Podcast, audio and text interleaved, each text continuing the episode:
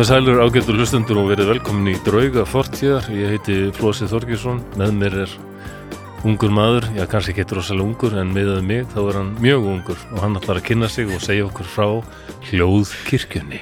Jú, komið sæl. Eh, Baldur Ragnarsson heiti ég, 36 ára. Hvað ert þú gammal núna? 50 og eitthvað, Hvað, 8? 52? eh, 52, akkurat, 52 og 36.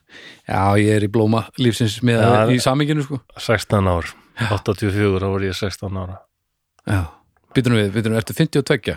Já, 52, 42, þannig að, já, við erum þá að tala um að það eru 16 ári, já. já, ég var 16 og háls ás þegar þú fættist, eiginlega nákvæmlega. Já. Ég fættur 16. februar, þú fættur 15. águst, ef mann veit. Já, það er eiginlega meira gaman samt að horfa ég að þannig að svona 2004, byrjun árs 2004 varstu jafn gamall og ég er núna. Já, vá. 2004, Já, ekki? það er ekki lengra síðan. Nei. Já, Já, ég, ég meina, ég er bara kortir í 50, sko.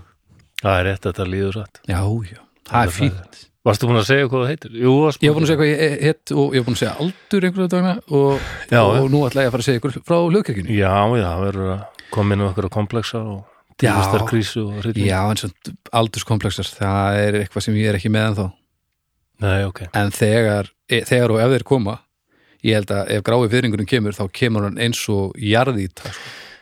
Ég er ekki með aldurskomplexa, Nei, þú ekki með þá, það er alveg rétt. en tilvistar krísu. Já, en ég meina þú varst 12 ára með hana, sko, Já, fyrr. já, fyrr. Já, já. En það er aðalega þetta sko mér finnst svo sorglegt að horfa upp á það er lífsglatt fólk sem missir nestan þegar það líður á sko. Af því að því finnst það að vera að missa af einhverju eða ég skil að það er hræðsla við dauða. Dauði, vers, varanlegt og bara Já, ekki maður stuð. veit ekkit hvernig hann er líka. Nei, það er líka, já, nei, nei, algjörlega. En þess þá heldur að vera aðeins kátur með að komast á ákveðin aldur sko, því að hann getur komið hvernig sem er sko. Já, já. uh, og mér finnst þú leiðrætt þegar maður ég þekki nú ekki margar sem hafa lendið í þessu en fólk sem að missir nestan þegar að líður á af því bara að því finnst það að vera búið sko. Það er ógæslega leiðrætt Mm en ég, eins og ég segi, þekki nú ekki marga sem að- Nei, ég var ofta að hitta fólk sem er með þetta bara það er ekkert svo langt síðan ég var ykkur samkvæmi og það var eitthvað að byrja að tala um Ossi Osborn og sagði já, ég sá hann nú liveið mitt þegar ég var 18 ára, það var rosa upplifun. Mhm. Og vá, hvernig var það? Það var hérna 86 sagði. Mhm. það var stelpað þar sem bara 86 og þú bara, þú er bara að segja frá þessu já, nákvæmlega og ég bara, já ég, ég myndi nú bara ekki bara hafa hægt um mig sko bara, ég væri orðin svona gömul en ég hugsaði einmitt frekar að líti upp til fólk sem bara ég hitti fólk sem segist að vera útstokk ég bara, wow, respect Já, nákvæmlega, og líka sko, vandamálun náttúrulega leikur þar að, að eins og þegar að vera að segja að maður eigi- sem alltaf enginn segir lengur í dag en það er að vera að segja að maður eigi ekki að spyrja uh, fólk og þá aðalega konur hvað eru gamlar. Já, já, hvað, þvæl, hvað meinar hvað, ég var alveg upp í þessu maður. Aha, mamma var alltaf hérna hvaða klikkun er Hún það? var alltaf að segja, hérna, verð ekkert að segja vinu þínu hvað ég er gömul Flósi, nei, nei. Segðu bara að ég sé 40 og eitthvað, eitthvað En- miklu yngri, sko. Ég bara, ég, ég bara næ ekki alveg að tengja af hverju það er betra af því að, Nei, að að segjum sér svo að þú sért ógeðslega fýtt og svona frambærilegur einstaklingur og það vil svo til út 60 Hvern, er, við skulum kannski setja þetta á hinn veginn bara til að ég veit að, ég ef þú segjum sér svo þú sést fullkomlega ógeðslugur einstaklingur þú ert algjört ógeð og þú ert 70 ára og þú ert ógeð er betra að vera algjört ógeð og 40 þá er bara eins og þú sért þú veist, skilur hvað er það já, nei, ég veit það ekki. er betra ungt ógeð heldur en gamalt ógeð. Nei, Nei Ég, ég, veist, ég, ég bara skilið, ég tengi ekki alveg við þetta sko. nei, ég menna, En auðvitað er þetta líka það sem að lætur marga missa nestan er eftir sjá veist, ef þú gerðir ekki allt sem þú ætlar að gera á, þegar þér leið eins og þú verður ungur og allt þetta sko. og ég þarf bara ekki að díla við það því að ég gerði bara allt þegar mitt, ég vildi já, gera það þetta sko. er tilgangslöst. Ég myndi frekar hugsa um, sko, meðan maður hefur heilsu, sko. Já. Gera eitthvað, sko. Já. Herru, hljóðkirkjan já. sko. Hljóðkirkjan, já, á, á mánu það er allir dagar vikunar nema helgarnar eru undirlaðar Já. hljóðkirkjuna á mánudum er dómstagur eða ekki Jöp, það eru Hauku Viðar Alfreðsson og Birna Pétursdóttir og Baldur Ragnarsson sem eru mjög skemmtileg og segja frá okkur sniðu jú, jú þriðutum er svo kokkaflag það er Ólafur mm framleiðslu mestar ég er ekki á eftir að hlusta það. Já, tekka því það ég á kannski ekki að vera að segja þetta. Jú, við, bara frábært að þess að brjóta já, þetta upp já, og já. svo miðgutum erum við draugur fórstíðar það er rétt. Lósið Þorkjarsson segir Baldur Ragnarsson frá einhverju sem er búið.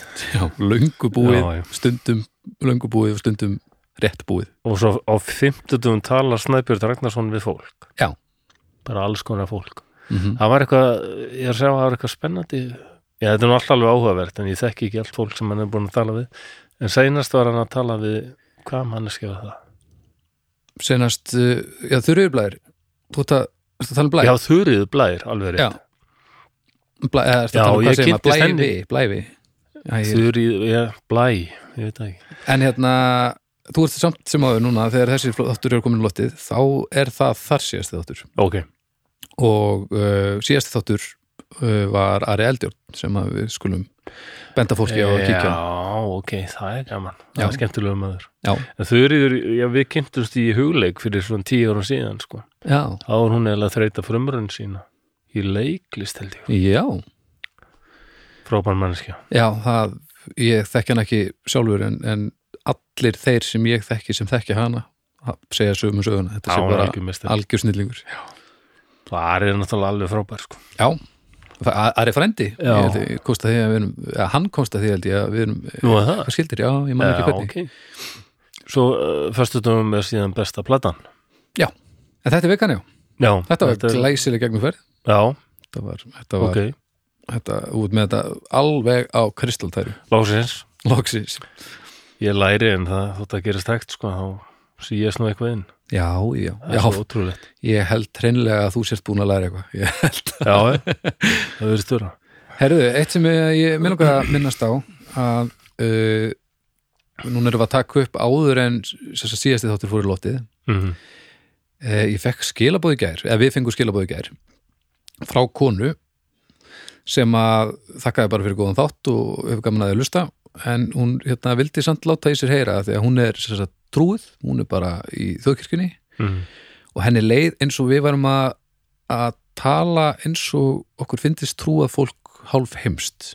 Hún vildi bara minnast á og, og ég svaraði henni bara og, og svona hef á tilfinningu þessi sannilega mínar yfirlýsingar sem út nú svona frekar opnari fyrir þessu og ég svaraði henni bara og sagði eins og er og ég vildi bara segja hérna líka bara þannig að það sé sagt upphátt að, að ég er alls ekki að reyna að gera lítið úr trúuðu fólki.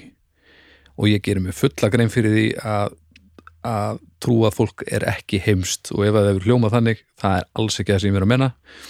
Ég hef bara ekki mikla trúa á stofnunni fyrst og fremst og, og líka gangast þessari trúi vissulega rosalega langt frá mér mm. en ég gerir mig líka grein fyrir því að ég get ekki sett mig í spór allra þannig að ég get ekki fullir neitt fyrir neitt og ég ætlaði alls ekki að tala niður til þessa þjófélagshóps, alls ekki nei, nei, sama hér hins vegar megum við búast í því að yfirlýsingar mínar munu halda áfram og við sættumst það, á það ég og þessi kona að, að hérna, hún myndi láta mig vita ef að eitthvað myndi stöðan aftur en hún myndi vissulega taka tekkið fyrst hvort og, svona muna Mhm. að ég er ekki að tala persónulega til einstaklingana ég er meira brjálaður yfir, yfir batteríinu og, og, og arfleðinni og, og, og því öllu saman Já.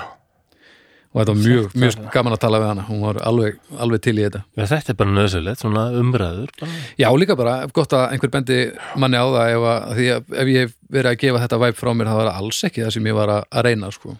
Nei, mann finnst nú ekki trú að fólk verið allt bján Nei, nei, nei, nei, nei. Það, Það er alveg, alls stór ekki, hluti mannkynsinn sem maður er afskriðað þannig heldur betur. En ég vildi bara koma þessu að og, og, og þakka þessari konu fyrir að, að senda línu og, og, og hérna, og, og, og líka framtíðar línur ef ég, ef ég, fer eitthvað sem við megum alveg búast í.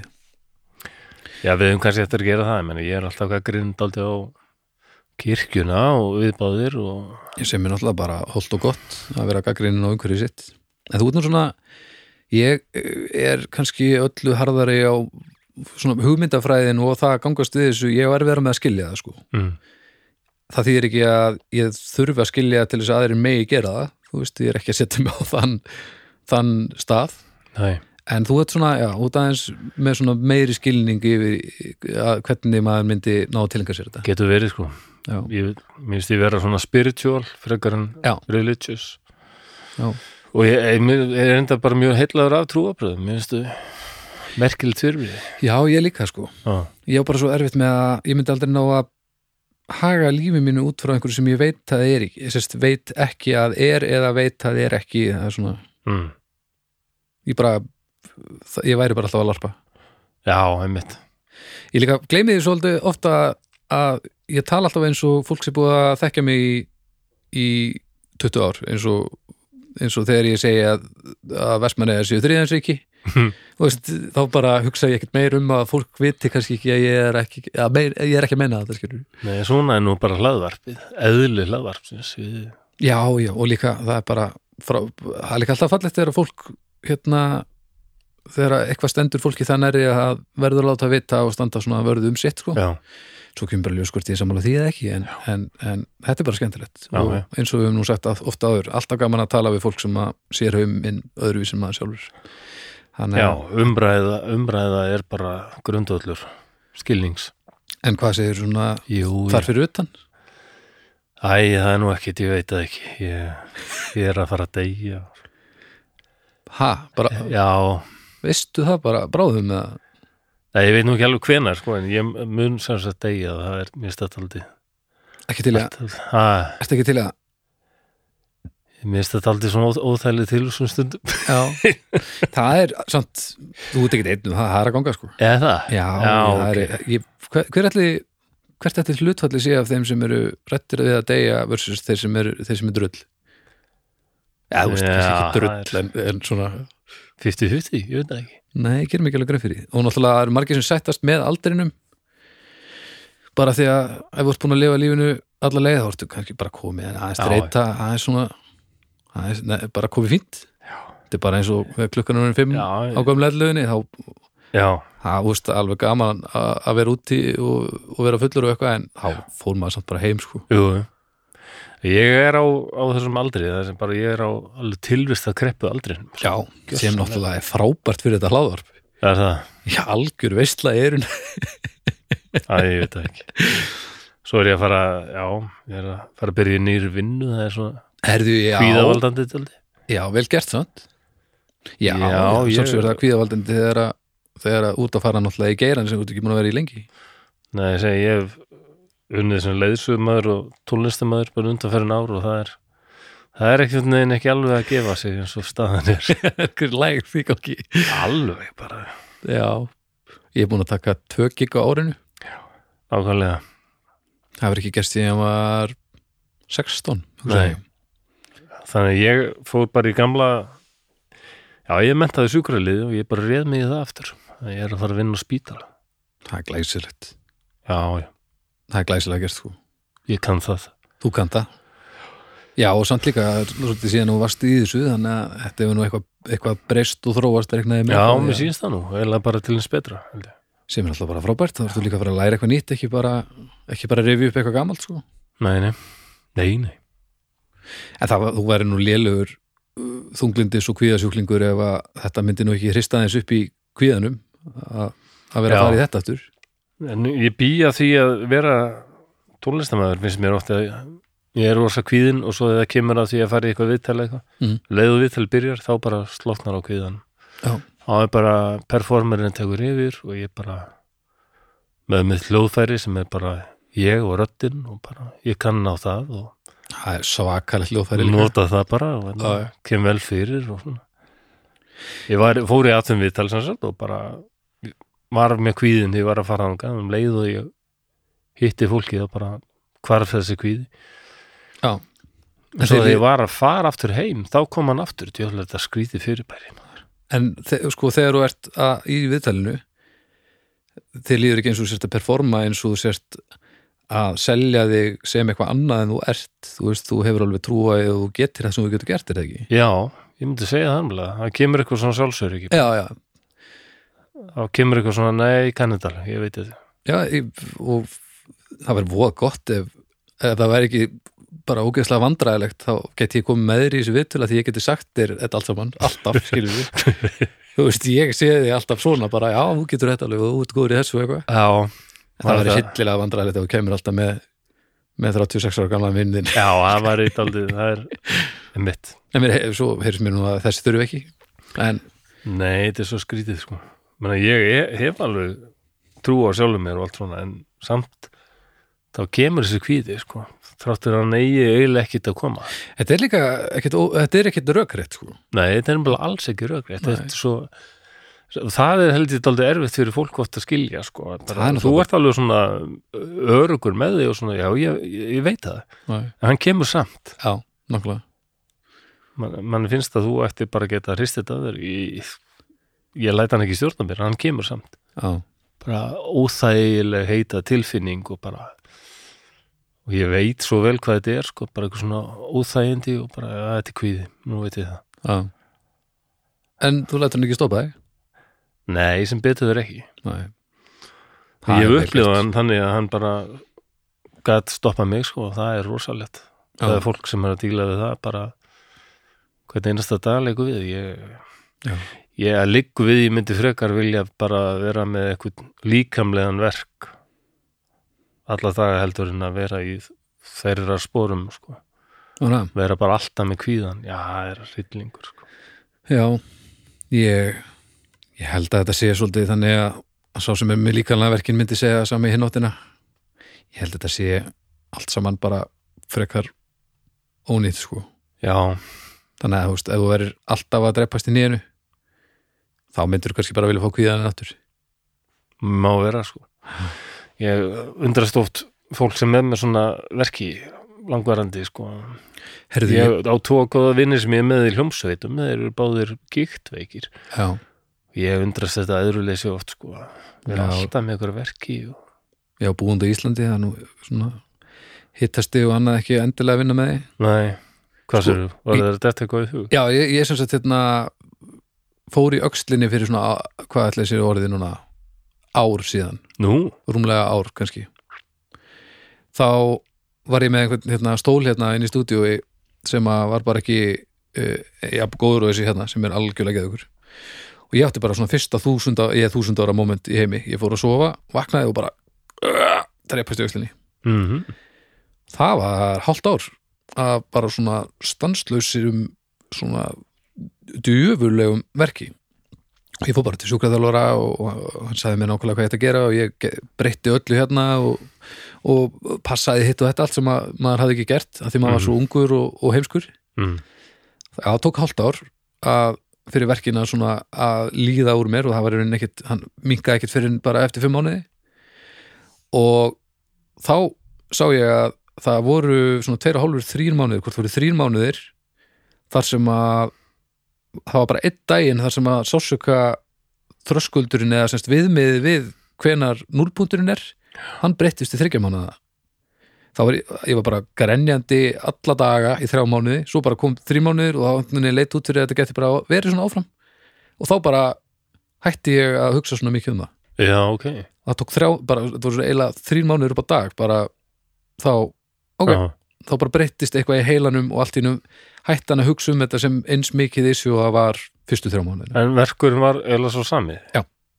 Já, ok.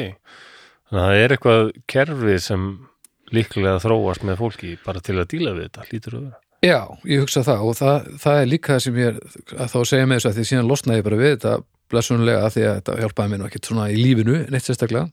En þeir sem eru að díla við svona alvöru verk upp á dag ef að ég í dag myndi taka við þeim, þeim verk ég held að ég myndi ekkert geta það sko. Að því ég held að, að fólk er bara búið að, að venjast eða er bara komið með eitthvað tolerans sem að maður á ekki sens í sko. Já, þannig ef ég fengi öfga verk sem einhver er að díla við upp á dag í einhver ár ég myndi bara kóðna niður sko. Já ég líka held ég. Hvað mingur Get ekki ímynda mér þetta. Nei og úst, þetta voru bara einmitt, 5-6 mánuður sem ég lendi í og það var bara, ég var bara árin hundlega eðlur og döið uppkefin og þannig að ég fulla samúð með fólki sem að sem að finna, og ég gerir mér ekki eins og greið fyrir hvort það var eitthvað svona alvöru verkur og- og með að við ég veit ekki hvað þetta skorar á, á verkskalanum sko. Nei, en áhugavert, þetta var mjög áhugavert og, þess og blæsunulega er þetta er þetta búið já, í já. Og bara svo að það svo komið fram líka ég vorkenni mér ekki neitt sko, ég er mjög gott og, og þetta er farið og já, það er bara svo áhugavert að fá smá insýn inn í þennan heim og líka í það veist, allavega í hálft ár það er alveg svona tími sem, sem að ég fekk svona pínu á tilfinninguna hvernig væri að vera með króniska verki. Já. Hérna er mjög móturhjóli gangi fyrir utan. Heldur að það heyrist inn í mikrofónuna já, ég hugsa það. Að nú er að farið. Já, þetta var, þetta var móturhjól, já. Ég var alveg eftir að prófa það að kera móturhjóli þú fyrir nú að missa af gráða fyrringnum reynlega ef þú voru að fara æ, þau hafa aldrei heilla minni sérstaklega móturhjól nei, þú myndir lúka vel á móturhjóli jú, jú, örgulega það er frekar annað tæki sem ég var alltaf langað til að prófa fennjabátur, já, það var alveg hugmynd. Nei, það er flugvél.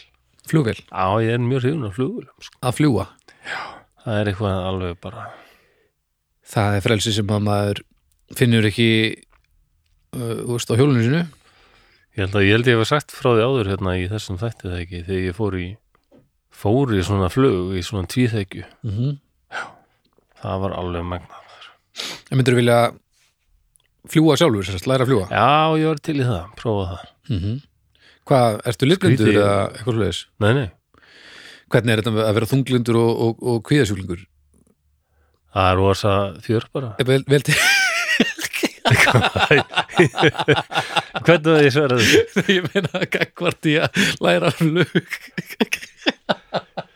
Ég hef aldrei heyrt að þungliti geti hamlað flugnámi. Hvað? Það er ekkert þess að tekið nei, kannski svona að þú ert að læra að fljúa fyrir því sjálfan en ef þú ert að fara að vera að fljúa e, stærri vélar stærri vélum með, með hérna, farþega og svona, þá kannski þetta að fara í Já. eitthvað, eitthvað Það svolfræði er, tek það er nú ekki pælingin hjá mér. Nei, ekki úr þessu Já, þetta er flugstjórun sem talar enn einu sinni. Við erum að fara að fljúga til London og vonandi komast við áfangast það er nú við erum á leiðinni og getur vel verið að við krossum bara eitthvað starrið við færiðum, ég veit það ekki. Æ, æ, ég veit ekki, Ég hef alveg svo sem röttin í þetta sko. Já, ég er nú bara ekki vissum að, að mækurinn sem að þeir fá þarna í, í kokkpittinum, ég er ekki vissum að hann pikki upp þessa tíðnir, sko ég held að ég þurfti að lána þér mæk alltaf. Nei, þeir hljóta að vera sko eins og útastmenn á bylgjurni eru með hennar bylgjara og hljóta flugmenn að vera með eitthvað tæki. Það getur ekki verið þeir hljóð með allir eins. Nei, Ég hef þetta- aldrei heyrt í svona flugstjóru sem tala, já, þetta er flugstjóri já, uh, komið í þæg uh, ég hef þetta aldrei bara heyrt það er bara einhverju autotune það er autotune og þetta örgulega lítur að vera. Það er, já, það er eitthvað búið að fiffa þetta eða eins og hérna, eða þeir eru búin að læra þetta? eða eins og þeir hérna, ég man ekki hver samtið að Tóki Ármann og Sævar sem er með mér í hálfvitunum Já, þeir söndu texta um, um flug. Og þar var semst einn pælingin þetta er, þetta er flugstjórin sem talar. Að það væru semst þá gett margir flugstjórar og þetta var flugstjórin sem talar. Þannig að það er bara einn í því að því að hann sonda rétt svo er bara flugstjórin sem tekur loft svo Já. er bara flugstjórin sem lendir og það er bara smekk fullt þetta frammi sko. Á, ég var til í þetta starf vera bara Flugstjóri flugstjóri sem talar. Já, þú væri góður í tímaður en þú ert aðeins svo djúpur sko, það þurfti aðeins að uppfæra þá Já, það. sko. að þróa þetta, þú veist, annars myndi þetta bara hljóma eins og einhverju veri Já. bara búin að mæk upp hafragröð sko. Það er ágætt að heyra svona rólega flugstjóru en rosalega var ég stressaður þegar ég var að fljúga með vá svona fyrst og það var eitthvað þau voru með að reyna að vera eitthvað rosa hress Já, ég veit það Já, við ætlum að skuttla ykkur til London hérna aðeins og bara, já, og það verður rosa fjör og rosa stuð og við ætlum bara að hafa gaman og ég bara hjálp, hver kemst ég út? Já, þetta er Bara hjálp. manni leið eins og, eins og þegar að uh, þegar að vestustjóri er að rífa upp stemmarinn leið, á leiðileg ásættíð Já. og maður sér svona ángistina í augunum þannig að maður veit bara að þau, er ekki með þetta. Þau er ekki með þetta, Það er þetta, þetta svo- já, maður vill ekki, maður er að fara undir hnífin og skurlættin segja, jæja, hvað er lefrin? aðeins að hérna, rippaði upp hérna og tjekkaði þér hérna inn í og hún bara, nei, Hvernig saum viltu? Ha, krossum já, ói bara, maður vill bara alvarlegan fagmann. Já, var sama með flugstjóra sko. algjörlega.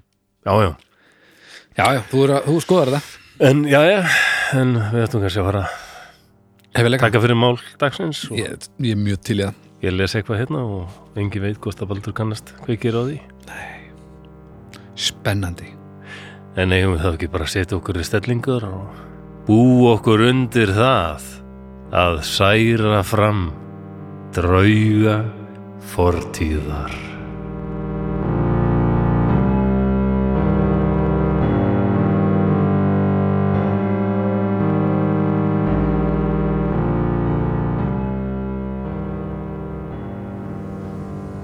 Ég líti í kringum mig en sé sama sem ekkert. Það er niða myrkur og ægilega kalt. Ég er samt velklættur í ullar peysum og hlýjum vetrastígvölum. Samt finn ég afar vel fyrir kuldanum. Mælirinn síndi mínus 35 gráður á Celsius er við lögðum að stað. Maður finnur sérstaklega fyrir því ef maður hættir að hreyfa sig. Alltaf að vera á hreymingu. Annars byrjar kuldin að nýsta í gegnum merg og bein, sljófgar hugsun og hreyfingar. Rússarnir kalla það Belaya smert, hvíti dauði. Þegar maður leggst til sveps í köldu og mjúku faðmlagi vetrarins og vaknar aldrei aftur. Við höfum fundið fjölmarga rúsa sem virðast hafa farið á þennan hátt. Það er yfirleitt friðsæld yfir helbláum andlitum þeirra. En kuldin og myrkrið veita okkur öryggi. Við vitum að þau eru með okkur í liði. Veturinn allur vinnur með okkur. Við þekkjum hann. En rússa greiðin Margir þeirra virðast varla hafa séð snjó áður. Ég lít á félaga mína, allir hvítklættir. Við erum eins og draugar í þessari fölu byrtu. Af og til sjáum við tunglið, annars er næri svarta myrkur. Við tölum helst ekki saman nema þá afar lágt. Við ætlum að koma á óvinnum okkar að óvörum. Ekki líður og lengi þar til við finnum það sem við leitum að. Bjarmi í fjarska á milli snæfið þakina trjágreina. Rússarnir eru vanir að kveikja stóra elda sem þeir hópast í kringum til að borða og hlýja sér. Matarvagnar þeirra eru einnig stórir og klunnalegir og hægt er að finna þá fljótlega því reik frá þeim leggur hátt til lofts. Nú sjáum við þá og heyrum í þeim. Þeir virðast gladir, enda eru þeir að borða, einhver leikur á harmoniku, nokkrið þeir að syngja. Skyndilega kenni ég brjósti um þá, en ég rek þá hugsun burt undir eins. Þeir eru óvinnurinn. Þeir réðust á landið mitt og fyrir það mun þeir gjalda dýru verði. Ég gef velbissu skittunum bendingu um að fara vinstra megin við þá. Þeir kinka kolli og hverfa. Orður og óþörf. Allir vita hvað skal gera. Ég lifti riflinum, vel mér skotmark. Einn hermaður hefur gengið afsýðist til að kasta vatni. Ég miða og hleypi af. Helmingurinn af höfði hans þeitist af og hann fellur til jarðar. Í nokkrar sekundur býð ég. Ótrúlegt. Engin virðist hafa tekið eftir neinu. Aftur miða ég á annan hermann og hleypi af. Hann reyfir sig um leið og skotið virðist fara í hálsin á hann. Hann grýpur tveimur höndum um kokið, gefur frá sér skelvilega hryglu og stendur upp. Blóð spýtist yfir félaga hans. Í eitt sekundubrót er algjör kyrð. Guðdómlegur friður. Svo er helviti mætt til leiks. Rússarnir öskra og rjúka upp til handa og fóta. Ég heyri nú geltið í Suomi velpessunum sem berast frá vinstri. Ég og félagar mínir kostum bensinsprengjum að rússunum og skjótum nokkrum skotum úr velpessunum. Rússarnir eru alveg ráðviltir, sturlaðir af skelvingu, þetta hverum annan þveran og skjóta eitthvað út í myrkrið. Við gefum þeim ekki tækifæri til að átta sig á hvað er að gerast. Við skellum okkur aftur á skíðin og hverfum út í myrkrið. Á sveipstundu erum við komnir langt í burt en ég heyri ennþá byssukvelli frá rússunum. Minni vakt er lokið. Ég get nú fengið mér eitthvað að borða, kannski farið í gufubað og náðu nokkura tíma svefni. Aftur finn ég örlittla samúð með rússunum. Þeir mun ekki fá mikinn sveppfrið. Annar hópur mun ráðast á þá eftir 2-3 tíma. Ég losa mig við samúðina. Þetta er dauðans alvara. Það er stríð. Og á stríðistímum hefur maður lítil nót fyrir samúð eða meðömkun.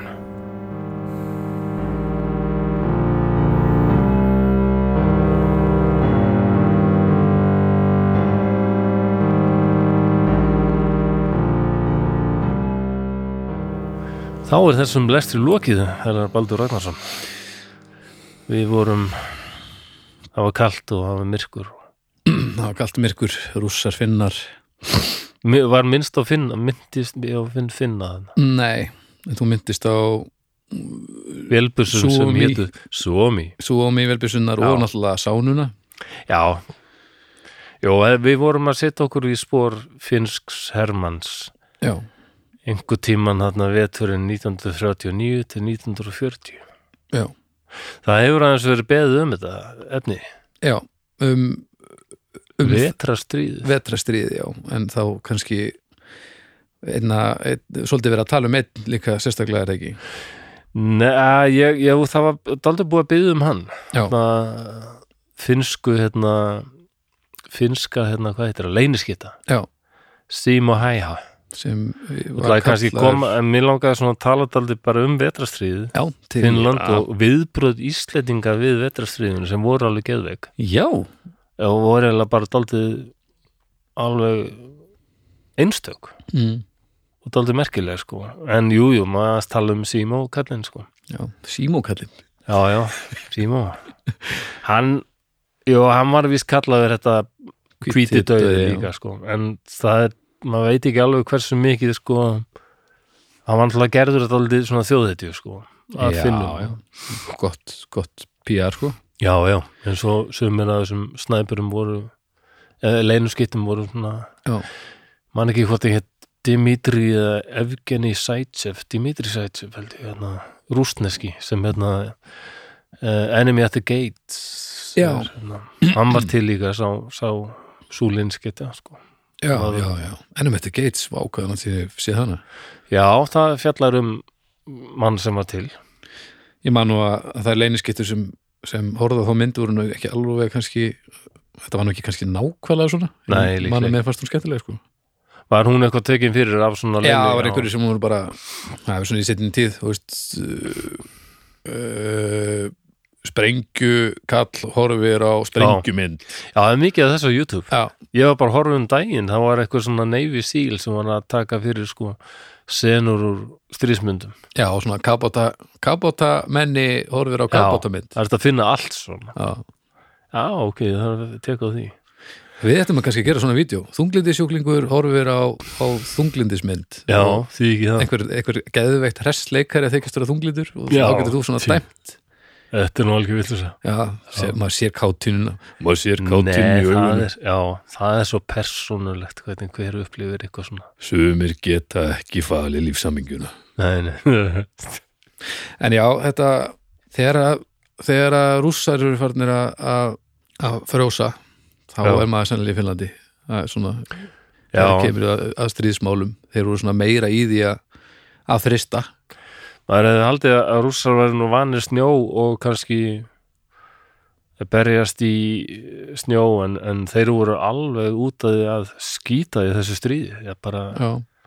En þetta nú, var, þetta er nú ekki einsvetur þetta var Það reyndar er eins veitur og einhver staðar í Rúslandi en Rúsland, að tala Nei. um Rúsland sem eitthvað eitt er svolítið náttúrulega svo margir af þessum að ég hef heyrt að margir af þessum rússum líka sem koma þarna bæði var að þeir voru hræðilega illa þjálfaðir mm. og það var búið að rúsneski herin var illa þjálfaður almennt og hérna bara var í algjöru upplausna því að Stalin, hann var við völdarnir í Rúslandi, Mm hann var nú þú hefur, hefur eitthvað kynntir Stalin, ég hef heyrt það þú verðist að Ég, bara Já. svona að því að, um þetta er óbúslega áhugavert eintak sko. já, Hann var nú ekkit hann var ekki að mastera hvernig maður vill hafa móralinn svona heima við sko. Í sínu liði nei var, þetta var svolítið þvinga vinnu andrúslótt Já, menn það, hann hefur verið aldrei svona eitthvað svona vænisíki, eitthvað svona smá paranoid. smávegis Já, Já, og hann var svona já, hann, hann ákvarðanir sem hann tók til þess að reyna að hvetja hér sinna áfram eru ekki ákvarðanir sem ég hefði tekið nei. Og þarna þegar þetta kom þá var eiginlega búið að taka af lífi 30-40% af öllum yfirmönnum rauða hersins. Já. Bara út af því að þeim var vandrest. Það var bara svona hreinsun.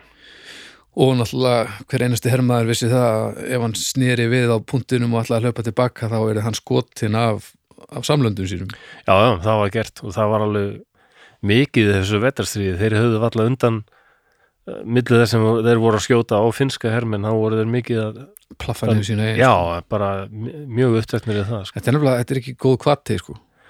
Nei, þetta finnar náttúrulega beittu þeir beittu svona skærulega hérna, en svo kemur fram Já. þarna sko. Þetta er bara, Þetta er ó- hryllingur þetta er nefnilega þetta er svakarætt, þetta er bara bara sjá aldrei síendur tekið, þetta er bara eins og í Vietnam náttúrulega, bara poppar allt í hennu er verið að skjóta á þig fólk reynur í kringu þig og svo bara þögn og þú sást aldrei neitt sko. Nei, það er ímyndaður mig bara heldur að maður yrði hrættur Finnarnir á skýðum, allir hvítklættir rússarnir, síðum, brúnum, frökkum Já. og hérna.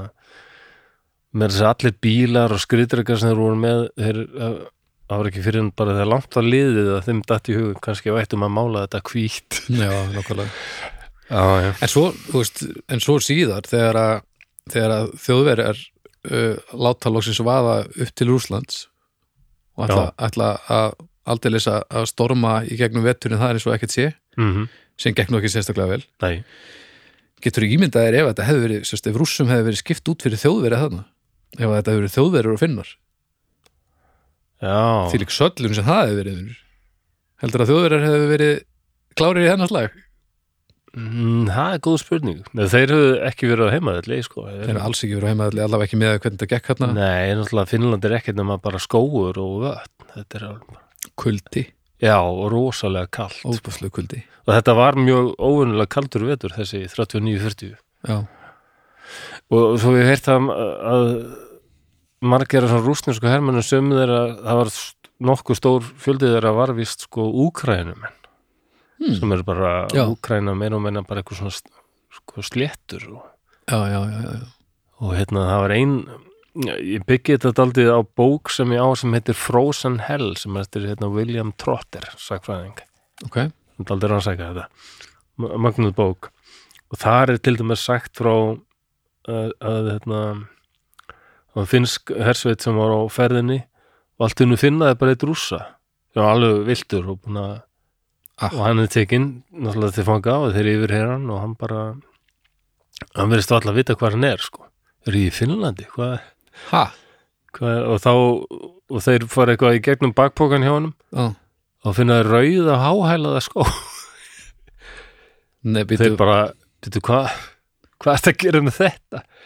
Og þá segir hann bara hérna, já sko ég var bara í bóndi þarna frá norður Rúslandi, langt í norðuri mm, og hann var bara fór í bæinn í þorpið. Þegar konan satt í ammali og hann var búin ákveða að kaupa handinni svona rauða fallega skó sem hann hefði séð í búðinni. Ok. Og hann er bara koma út úr búðinni með skóna. Mm -hmm. það var bara einhver trukkur þar fullur af einhverjum hermannum Mm einhver liðsfóringi sem bara bendir á hann og segir bara, herruðu, þú ert bara á best aldri, þú ert að koma með í stríðið og hann reyndi eitthvað hérna, að ég, ég get það ekki, ég er með bóndabæ. Og, var, og þá bara bara var reyfin upp bara byssan. Ah, annarkvort gerir þú skilduðuna fyrir hið sovjíska föðurland eða þú eru bara skotin hérna. Að hann bara, ok, ok, og bara já. dubbaður upp og láti hann fá ykkur driffil og allt í nú var bara að þvælast um ykkur skói og vissi ekkit hvað hann var og allt í nú var bara ykkur kvítklæðir hermenn allt í kringum hann sem bara voru búin að taka til fanga pældu í þessu Já, þetta, mi- þetta er mjög einkennandi saga fyrir þetta stríð þetta er eins og Gu- Guðni vinnurinn, Guðni TH myndi koma hérna núna með byssu, hinga inn í stúdíu og segja við okkur, herri, það stríð drullegur út í bíl, Já, heldur að við erum góður í stríði Nei, held við ekki. erum ömulegir í stríði sérstaklega svona bara hent út í, já, já, djú- beint, djúpu lögina beint í útileik sko. Já, þú veist, fer leik. ekki eins og að taka einn á heimavelli áður sko. nei, þetta er alveg Já, en ok, vetarstríð var milli Finnlands og Rússlands november 39 bara í lók november mm 30. november þá ráðast rússar á finna og stóð þangur til í februar 1940 bara, þetta er bara 105 dagar. -hmm. og að því vorum að tala um Þískaland sko, mér finnst þetta mjög merkilegt stríði líka út af því að þjóðverðar fylgdust með þessu. Já, þetta tengist aldrei sko stríði þjóðverðar getur rússa.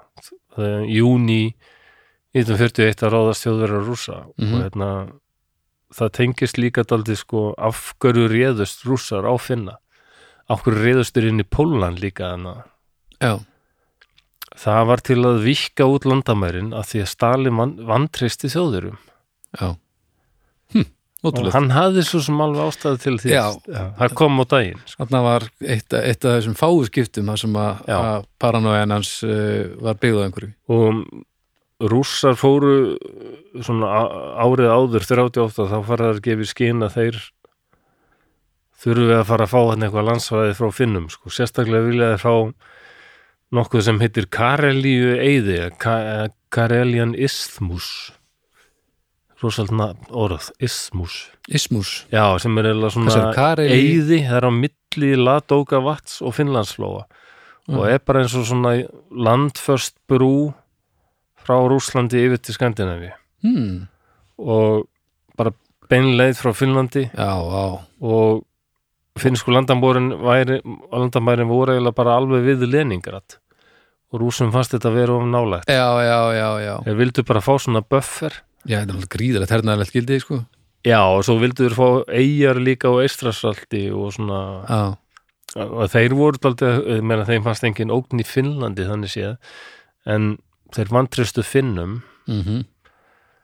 Í- í- sko við stjórn í Finnlandi þeir töldu að Finnar væru frekka svona vinnveittir þjóðurum og margir í finnska hernum höfðu sko hlotið þjálfun í Þýskalandi. Það var alveg, var ákveðin tengsl á milli Finnlands og já, þeim er smá vorkun sko. Ok. Og þetta Karilu í Eyði það var góður sem hétt Pétur Mikli sem bygg, ákvaða að byggja hérna borg árið 1703 sem hann ákvaða að kalla bara hérna Petrograd í höfðu á sjálfum sér. Pétur Mikli. Pétur, heldur hann að gefa sér að sjálfur, Pétur Mikli? Já, já, alveg örglega Já, snillingar, og en þarna voru bara einhverja mýrar þannig að það voru nokkur hundruð þúsundum manns sem eittu svona tíu árum í það að þurrku upp þessar mýrar. Um hundra mann stófu við það að þyrka upp þessar mýrar svo hægt var að byggja þarna borg. Fyrir ekki, hvað gerir þú? Jú, ég er hérna mýraðurkari. Það er rosalegur fjöldi maður. Hvað það eru, hundrað, hundrað þúsund manns á svona tíu árum. Það er illa mikið. Já, það er alveg fáránlegt. Ég hef líka heyrt að þetta fólk sem uh, dóist alveg óbúslu fjöldi við að byggja þarna súaskurðin ég man ekki hvað mikið, það var okkur tíu þúsund held ég. Já, en það var kannski svona aðeins meiri velun í lokin. Já, kannski, já, já, vissu litum að segja það. Já, þú veist, það er alveg, var game changer sko. var kannski hættulega að byggja heldur en gamla dag, í gamla dag heldur en er í dag. En þess hefur þetta verið morbid vinnustæður hann í mýrinni hver Já, einasti held dagur þá hefur atrið og nefnending stóri þegar að, að hérna, hesturinn hans að treyju þegar hann sekkur í sorgarmýrina. já, hörmulegast atrið kvikmyndasögun að það hefur eiginlega ekki með neitt að gera. Hesturinn sérst fyrir hann í sorgarmýrina eða hvað hann heitir. Já, hann er svo hérna- þunglindur að þá byrjar að sökva já. hann sekkur bara hverfur. Vá, ég þarf að horfa- þessu mynd aftur. Og hann, sérst, hesturinn sekkur úr þunglindi í mýrina. Já, þetta Og- er alveg þetta er eðilega alveg heila held ég. Er enn Já, þú ert ég er hérna alveg, alveg hellaður bara út af já, þessu. alveg rétt þetta hefur bara verið að gerast bara oft á dag hérna. Já, já. Það er nú magna Svo var líka annað vandamál sem Pétur var nú ekki mikið að stressa sig. Það var að þetta landsvæði sem hann valdi fyrir þessa ágætu Petrograd eh, tilheyrið ekki Rúslandi en Pétur var hann var ekki kallaði Pétur miklu við lítið. Þetta er tilheyriði þjóð sem heitir Svíþjóð. Já, sem var þá bara tölvöld veldi. Akkurat og Pétur bara, já, bara mér er almskotan saman, ég tek þetta bara. Pési, flottur. Já, bara svíjar, þetta til er Rússalandi og svíjar voru nú ekki til í það. Nei, þannig að þeir áttu bara börðust nokkuð reglulega alveg bara næstu 200 árin eða svo. Hm. það var bara alltaf í stríði sko, mikið. Og, og minn, milli finna og rúsa var önnur þjóð sem hérna lendið daldi, var daldi fyrir barðin og öllu þessu mm, stríðum það eru blessaði finnarnir. 1809 þá verður Finnland reynilega bara hluta Rúslandi það var bara rúsnest saman sko. Já, já. En þá, þá var, rú- voru rússar með keisara sem heit Alexander fyrsti. Ha, góðugur fyrir Ok. ég held að sem er bara stitt á hann með þá í miðbæði Helsingi Já, af því hann bara by- byggði vist Helsingi daldi upp og, og eitti miklum pening í hana og vildi gera það flottri svona finskri borg og hann leiði þeim alveg hafa sína menningu og sitt tungumál hann að finna og bara, já, já. Okkur Góð alveg ditt bara. já, já. Og svo voru margir finskir hermenn sem fengum að þjálfun í rúsneskum herskólum, þar á meðal eitt sem hérna hétt Gustaf Mannerheim. Hann kemur meira við sögu. Gustaf Mannerheim.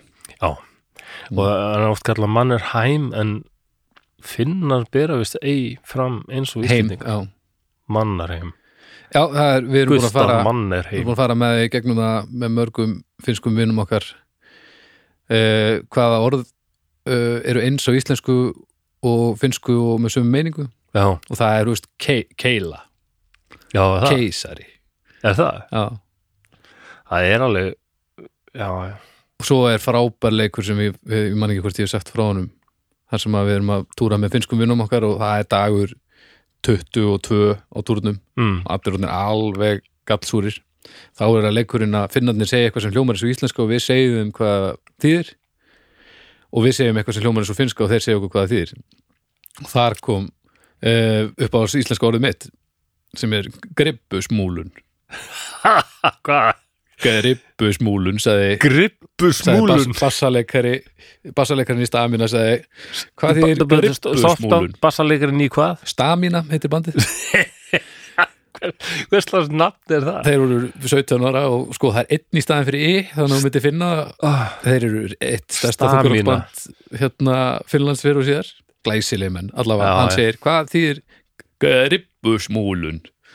Og ég sagði nú bara eins og væri að, að, að þýtti þegar að þegar að þú hefði farið inn í garðin hjá konu sem þetta er ekki gamalli reyðri konu og hún þyrfti að ná í garðslönguna og, og svona sprauta á því þá til þú færir.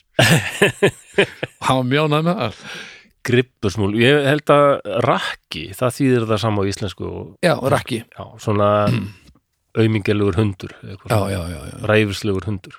Já. og svo man ég, fekk hláturskast á móðgæði konu sem ég hitti í Finnlandi ég var komið þangað fyrst.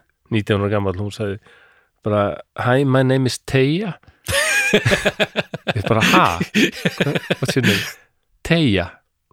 Teija, tegja mér finnst þetta ógeðslega myndi hún var aldrei já, æ, tegja mín. Já, vandamáli var með hennan Já, Herðu, þú ég- þekkir alveg, hvað sér ég bara, hérna, þú ert búin að segja Rússland og Finnland svo ofta að ég ætla að fyrir ullasokana Ha? Er að gera hlið og upptökum til að fara illa já, nei, mér er bara pínu kalt á tánum ég ætla bara að láta þið vitt akkur ég var að standa upp. Ok. Já, en það, þú, þú hefur alveg túrað með fleiri finnskum böndum og þið hefði spilað í Finnlandi ekki? Alveg, þó nokkuð við erum ekkert spilað eitthvað brjálæslega oft í Finnlandi en við erum búin að taka mjög marga túra með finnskum böndum. Sko, Addi vinnu minn í Sólstöðum, hann hérna og þeir Sólstöður hafa sagt mér, þeim finnst alltaf eitthvað daldið gaman að koma til Finnlands. Það er eitthvað svona, já, mér líður ofbáslega vel í Finnlandi. Mér líka. Stórslega þægilegt að vera þar bara. Og ég held að sé svona- líka fólkið, sko. Við tengjumst, fáum eins og við tengjumst finnsku böndurum, sko. Merkilegt. Það, Sko- þetta er alveg vinum hans þannig að við, eins og þessi stamina menn, ég er í sambandi við þá einu sinni í viku allavega sko. sko, ég kynntist ég kom 19 ára gammal til Finnlands fyrst þá Já. gisti ég hjá konu sem hérna var íslensk frá Flatey. Mm en, en hún hafði hún reyndar æfirsann hefur komið, komið út og ég er búin að gleyma hvað æfirsann heitir en ég setaði nú um bröðhópin Já. hún hét Ásta. Ok, ég man alltaf bara finska nafnið hennar Ásta, Asta.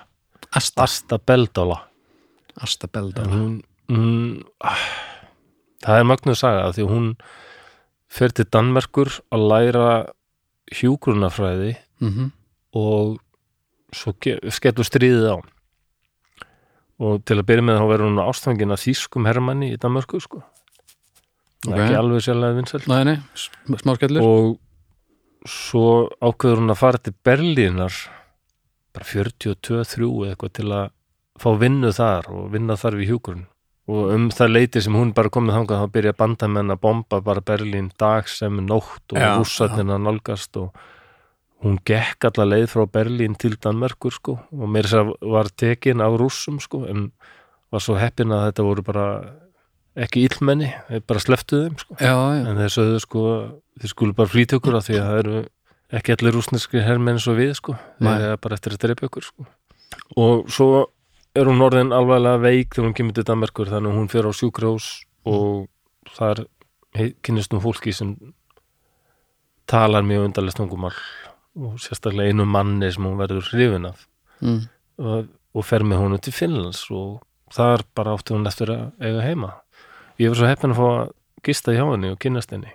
Wow það var alveg frábært. Hún bjó hérna í þorpi sem heitir Susme sem er rétt norður, norður af Latti Lagt. ég veit ekki hans í 100 km norður af Helsingi eða eitthvað. Já, þannig að hún hafði upplifað ímislegt þar wow já, Já, hendur þessari bókin á já, það. Það var skrítið sko hún sagði henni fannst Íslendingar og finnar ekki líkir. Nei, en það var alveg ekkur tenging. En með finna væri það svona djúb, þung undir alltaf voru Íslendingar svona allir á yfirborðinu fljótur upp kannski mm. og fljótur að koma sér niður eða, já, já. Og en finnar sko, Já, ég held að þetta sé nú alveg ré- rétt sko allavega þá. Já, og það var miklu meiri svona stjettaskipting til dæmis sem hún þoldi ekki til dæmis. Já, maðurinn sem hún giftist var aðalsmaður eða, neða, ok. Hún var svona landegandi sko. Já, og var kannski ekki endilega að leita því heldur, fann hún bara mann sem hún var að fíla? Já, það er alveg bara þannig. Já, þetta Já, er frábær það er- bók, ég skal ben- benda á hana í, Það er mjög áhugavert með finnana sko að, að þegar maður er að túra með þeim þá horfa þær ekki augun á manni í Nei, hálfan túr og svo eh, gráta þær þegar þú ferð sko. Já, akkurat. Og, og svo eh, eru þeir vinnir innir þangað til bara alltaf sko.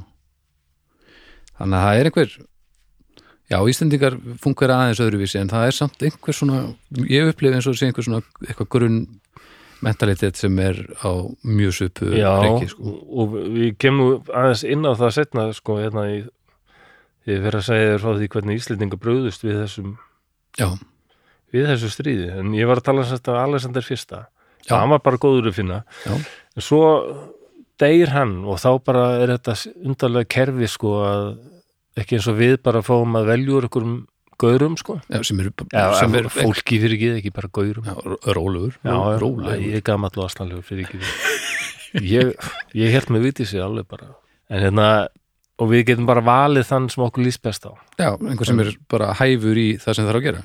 En rússar voru með svona aðstæðanlegt kerfi að það bara kom ykkur annar keisari. Já, og var bara að happa glappa hvort að hann var fáið eða ekki. Mhm. Og það komu því miður ykkur leiðindakeisarar sem voru ekki jafn skemmtilegir við finna eins og Alexander fyrsti og Nei, einhverjir kúkakeisarar Já, og og, og þegar það gerist og eitthvað svona kúka kúka keisarar Já. ah, er að læja þessu? Er þetta ekki hugtak sem var notað í sakfræðinni? Jú, jú, kúka keisari Já, sem hérna voru með eitthvað stæla svona við finna og bara og þá þegar þú gerir það eftir með stæla við eitthvað svona þjóð sem er hluti af þínu landi mhm, þá blossar upp kannski svona fyrirbæri sem heitir nationalismi já, gerir bara já, já. Og, hérna, og það fór aldrei að blossu upp hjá finnum sko. mm en svo kastaði tólfunum þegar kom gaur sem hétt Nikolas Annar. Hann var svo ofsalega leiðilegur að með þess að rússar gáðust upp á honum líka. Nú, og enduðu á því að drepa hann. Ah, það voru 1917 og ákveðu þá bara, bara svo hætta að vera með kúkakesara og, og vera bara með kommunista í staðin já, já. Já, já, og það er ekki nómið það er drápuð Nikolas, heldur drápuð bara alla fjölskylduna, það er aldrei Já, Þið tóku enga að sensa, rússar er Nei. aldrei þannig, þeir bara, ef þeir ákveða að gera eitthvað, þá er það bara gert alveg, já Með þú krafti. og Þetta hefur verið að ganga í heimsveldum, þú veist. Já, já, þurka út allt sem við kemur þessum veist, þessu, þessari grein einhverjar ættar, þannig að þú þurfur ekkert að pæla í þessu meira. Já, Þetta er eitthvað sem ég gæti nú ekki tekið af mér sko. Nei, en þetta svo sem virkaði fyrir það sem þau ætlaði að gera. Já, en dónalegt. Já, þeir voru eitthvað, þetta er eins og hérna rúmennar, ég man, ég man eftir rúmensku byltingunni 89, það var alveg magnað, sko, Já, því? Nei, mannst ekki, ég var þarna eitthvað skilur um milli. ég var bara að klára leikskólan þannig að Já, ég var já, upptekinn. já, þú varst náttúrulega upptekinn af ímsu öðru þá eins og að læra stafrófið og já, já, ég var að læra stafrófið Já, þá var ég að fylgjast með þessu sko beinu, beinu útsendingu þar sem fólk var að bara öskar hérna niður með sjósesku Já, já, það var alveg magnað að fylgjast með því það var, það, það var svona það daldið að byrja, það var 89 það var daldið að byrja að maður gætt bara fylgst með í bytni sko. já. Það, það byrjaði nú ekki svona raun bein fyrir en sko bara Írak það var það er náttúrulega bara stríði beinni bara svo raunveruleikur sem var sko. það var alveg ótrúlegt. Ég held að fólk átti sig ekki á því hvað það var magnað bara eitthvað CNN heim í stofu og það bara, var ógeðslega skrítið. En það var daldið pingu svona í Rúmeníu sko. Það var, mm. já já. En ok, var maður Lenin er uh, fattar það að, að nóg að gera þarna með að halda Rúslandi saman og bara það bríkst út bor- borgarastyrjöld og er ég að sparka já, passa að sparki oh my god. Ok, Lenin átt að segja á því að það bríkst út náttúrulega borgarastyrjöld Mhm. í Rúslandi Já.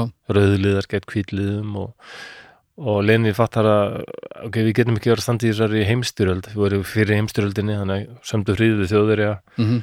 og finnar, já það er bara þjóðurni sinnar þar og vesen. Mm og bara sleppaðu lausum bara, bara þið megi bara vera frálsir Hm.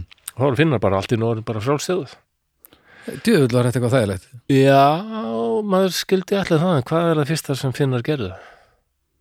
Veistu það, þetta er 1918 Nei.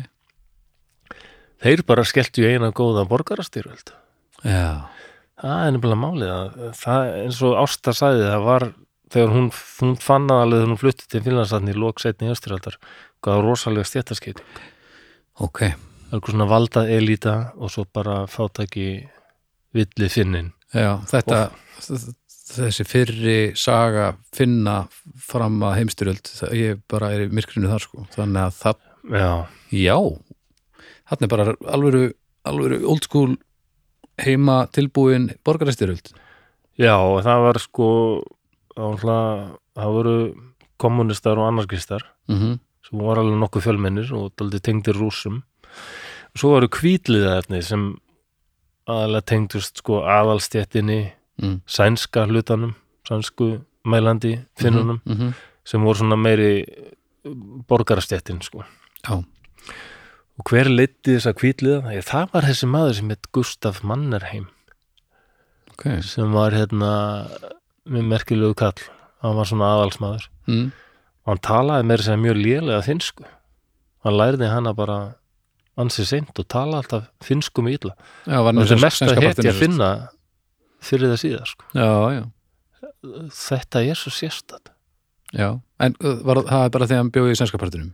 Já, uh, já hann, hann er svo til í svona aðalsætt og þar var bara töluð sko hann kunni vist að tala þýsku frönsku ensku og, og sænsku og þurfti svo að læra finsku og rúsnesku, tala rúsnesku líka. Já, já, og hans uppeldi var, hann var alveg bara efni heilan þátt sákall Gustaf Mannerheim sko, hann var hérna hans uppeldi var vist mjög strangt og, og það var oft sko ákveðið bara pappið er ákveðið við morgunverðarborðið að nú skildi bara tölu franska og eða þegar maður bara refsaðu klúruðu eitthvað Já, því þannig að þetta var svona Vá. daldið stramt vel gert pabbi. Já, þetta Mannheim var svona hann var gamaldarskall, hann vildi eiginlega bara hafa hann meira svona vildi kannski hafa konung og svoleiðis. Já, já, já, já. Og þegar vetrastriði breyst út þá var hann eiginlega orðin svona bara risaðala, bara lítið á hann sem hlutað ykkur svona gamaldars Finnlandi og Og er hann þá orðin gammal maður eða? Hann var orðin já, allan hafi ekki verið á svona, nei, ekki eldgammal kannski svona sestut, Já, já, kannski eldri, ég veit það ekki. Já, ok. Já, en þessi borgarstyrjul var vist ansi ógeðsleg sko og það voru margir teknir að lífi og, og finnskir sakfræðingar hafa aldrei verið að garfa í henni Mm. mikið og það er lengi ekki mátt tala um hana og það er einhverjar fjöldagrafir Já, já, sem já, fundist það sem bara einhverjir kommunistar voru já, ok. Já, já, leittir út okkur vö- okkur vötn og bara skotnir þar og svo bara skildir þar eftir og svo þiðnaði ísinn og líkin bara hurfu ofan í vötnin og Já, já, margir já. sem hurfu sporlust þetta var, Margt til að segja að þetta vetrastríð kom uh, hafði eðalega það góða í för með sér að það svona saminaði Já, Finnaldin já, nákvæmlega að því að fram að því var alveg, vist, alveg opið sár hann Já, ok. Eftir borgarstyrjöldina mm. Já, já. En kvítlið það sem sagt unnu, unnu þetta stríð og, og um tíma voru finnar vist aldrei að daðra við fasisma, þannig að Stalin leist nú bara ekkit á bleikuna, sko, Nei, þegar hann ok. var komin til valda. Og þeir voru leittir af hérna, einhverjum voðalega astanlegum gauður sem heit Kosola, Kosola, Kosola sem var svona finski fasistin. Hann var eiginlega svona Mussolini fátækamannsins. Hann var svona, hann var svona reyna að vera svona svaggar eins og Mussolini en náði þess ekki alveg, sko. Ekki, og það er ekkert vandræðilega þvingaður fóringi Já, það er, ég, það er ekki öllum gefið að vera alveg einræðisherra og Mussolini gerfi maður fólksins Það er hillilegt það nú er hægt að sjá allt þetta lið á YouTube bara þetta að horfa á, ég er aldrei stútir að þá sko, en að ræður mm. þess að einræðisherra, Já, Mussolini er aldrei flottur sko. já, með það er einn íslensku stórmálum að þessi minni með aldrei Mussolini. Já, og móðgæði eitthvað með þessu. Það er einhvern veginn svona líkams tjáningin og bara það er eitthvað, eitthvað, eitthvað svona svipaður taktar. Ok. Það er Vigdís Haugsdóttir Jaha, Já, ég gleymi ekki þegar hérna, ég fór með sakfræði nemum í vísindaferð til heimssýnar sem er svona eitthvað, eitthvað félagsamtök sem eru aðalega bara sæminuði því að vera rosalega móti Evrópusambandinu. A, og þarna var bóðið upp að bjór og sakfræði nefnandi sumir voru orðnir svona taldið æstir og, og viti í skemur þarna, það var æðislegt. Ok. Því að hérna, fólk, hún bara fó, var að halda eitthvað ræðu og sakfræði nefnandi að grípu fram í og þetta er bara ekki rétt, hvað það að segja svona Jón Sigursson, hann var ekkit svona frelsi setja. Þá sett hún upp eitthvað svona munnsvip mm og stilti höndunum svona á á hérna mjadmennar svona út með sko olbúana Svona teiknumynda ég er ekki sáttur. Já og bara svona hallaði svona undir flott og bara var alveg sem Mussolini og bara hvað er eiginlega verið að kenna ykkur hérna upp í háskóla það þarf eiginlega að fara að skoða þetta. Hanna og bara, og ég bara, wow þetta er bara sem Mussolini var komin sko. Það veit ég svo alveg bara. Og hún er með svona presence. Já, já, já, það, ég hef aldrei hitt hana en heyrst ég verið nú að gera það. Já, já það er stálega ga- gaman að henni sko, Já, maður sé alls ekkert kannski sammálinu nei, nei.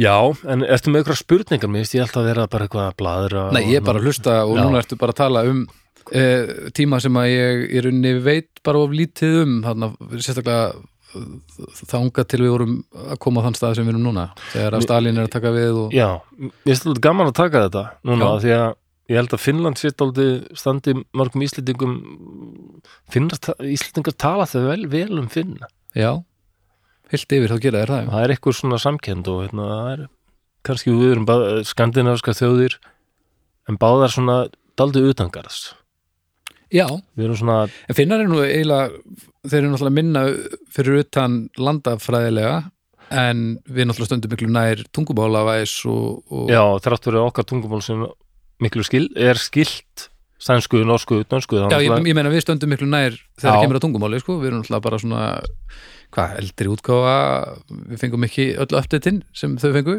en einmitt. finna náttúrulega það tungumál það er engin tenging inn, Nei, í, nei, nei. inn í það sem við erum að gera, sko. Nei, við tölum indo-evróst mál eins og næstum því allar þjóðir í, Evrópu, Mm. mjög margar. En finnar gerir það ekki. Það er bara, þetta tilherir um allt öðrum stofni. Já, og ég merkilegt að finska og ungverska eru skildungumál finska, ungarska og eh, eistneskan. Já, og eisneska Já. það er aldrei magna Já, það er nefnilega helviti magnað. Já. En já, ok, þetta klárast þetta borga, þessi borgarastyrjöld en svo deyr Lenin og þá kemur guður sem heitir Stalin Jú, eins og búin að tala um, hafa hafa nátti til að verða aldrei paranoid, blessaðu kallin aðeins. Og hann hétt uh, Jósef Djúkasvíli það er aldrei merkilegt að þessi frægu einræðisærar mm. uh, Hitler, Þýskalands og Stalin uh, Sovjetríkina eða Rússlands Mm um, Hitler er náttúrulega ekki þjóðveri og Stalin var ekki rússi, hann var frá Georgi Já. Jósef Djúkasvíli hétt hann. Mm en hann ákveða að það var þýstir nokkað flottara nafn. Hérna, það er Stalin stálmaðurinn. -hmm. svo er þetta gaman með hérna Adolf Hitler. Mm. Vá, hvað maður heyri þessa setningu sjaldan. Þetta er alltaf gaman að segja þú því Adolf Hitler. Að hérna hann sko það var fósturpappan sem hétt Hitler. H-I-E-D-L-E-R Hýdler Já, Híla og það var einhvern tímann bara hann var að ná í eitthvað skýrtinni og þá hafði þetta verið mis skrifa ránt, H-I-T-L-E-R mm -hmm. en mér minni það fóstur pappanum sem heit, held ég Alois Alois Hýdler Alois Hitler, já, hún Vá, varst þetta var bara hann- töff og ákvaða að halda þessu bara. Alois Hýdler, hvað var hreingerning en Adolf er ekki fættur Hitler sko, Nei, hann er nefnilega með, rosalegt hans upprunalega eftirnátt var alveg bara veistu hvað það er? nei, við. Hefur hérst þetta? Og Hitler sjálfur grínaðist með það að hann hefði líklega aldrei getað orðið leitóði eða der fjúrur ef hann hefði heitið Adolf Schickelgruber. Sikkelgrúber Já. Nei, hvað þýðir það? Það sagði að það ekki að verið það sama að heyra Heil Schickelgruber. Sikkelgrúber, Það hvað var þýðir bara það? eftir nafnið. Já, en ég meina, Sikkelgrúber, þetta hljómar svona eins og Þetta þýruglega sigðarhreinsir eða eitthvað. Já, eða eitthvað Maðurinn sem hreinsa sigðurnar eftir að búið þeirra diskahandlóngari Já, já, eitthvað svolítið Já. Diskenhandlungar. Já, já En já, nafni á pappans, hann hljómar eins og reyningirningavara, sko Alois Hitler, já, ja, Alois Hýdler Alois Hitler, já. Já, Já, segja nokkuð. já. Fínt á flýsarnar, sko Já, já. Í þessum mjúka þræði er þraut segja og gæði og ending slík eða engar lík. Hverju man maður svona auglýsinga lag? Af því að ef þau, ef þau tókst vel til þá eru þau hönnu til þess Já, það er líka, það er góður punktur, það er punktur. Það er bara Ef þú manns lagi þá vann einhver vinnur sem Jú, jú. Ég man að það var líka einhver auglýsing, það var hérna eitthvað fyrirbæri sem hétt Herra Edith. Herra, Edith Já, það var eitthvað svona hreinsi efni og það var eitthvað nefn, byrju hvernig var það? Það var herra Edith, hann hjálpar þér, reynsar upp blettina sem þú ekki sérð. A- Allar þuskur eru fyrir löngu og þarfar, því herra Edith sér um allt hvaða slít varðar, herra. Svona var þetta. Þetta er versta eftir rým í heimi. Sitt Og líka, svolítið magnaði hefði skulu vera að að miða svona mikið inn á markaðin uh, raðmóringar Raðmörðingar. Já, ég meina reynsu blettir eins og þú sérði ekki og allt þetta, þetta er bara það, er- þú og verið sett herra Edith hjálpar þér að reynsa glæpa vettvangin, Það er nú, ég hef aldrei pælt í herra þessu. Þetta er- felur sönnunargögn Auðvitað. Já. Já, já.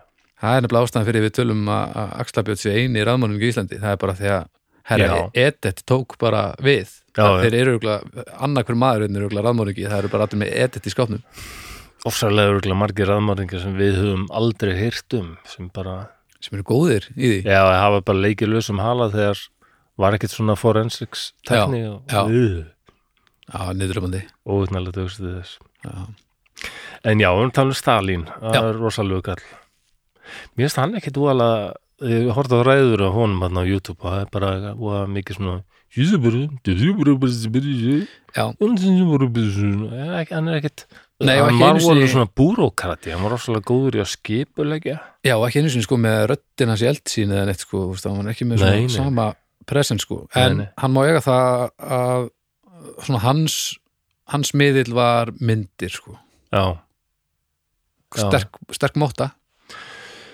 En hann verður samferður um það að, að Finnland hann treystir þeim ekki og það væri vantið þjóðverjar því að hann vantresti þjóðverjum og var vissum að þjóðverjar hefði eitthvað illt í hyggju Mm. og m- má eiga það, það, já. alveg horrið og hann treyst, hann var hrættur um það að Finnland myndi spila eitthvað rullu þar og að vissu leiti þeir, gerðu það, Finnar fóru setna í stríð gegn Sáðuríkjunum með þjóðurum en það var nú kannski líka út af því að rússar höfðu sko já, tekið þarna landsfæða finnum sem þeir bara reyndu að nota tækifæri til að fá það til baka, baka.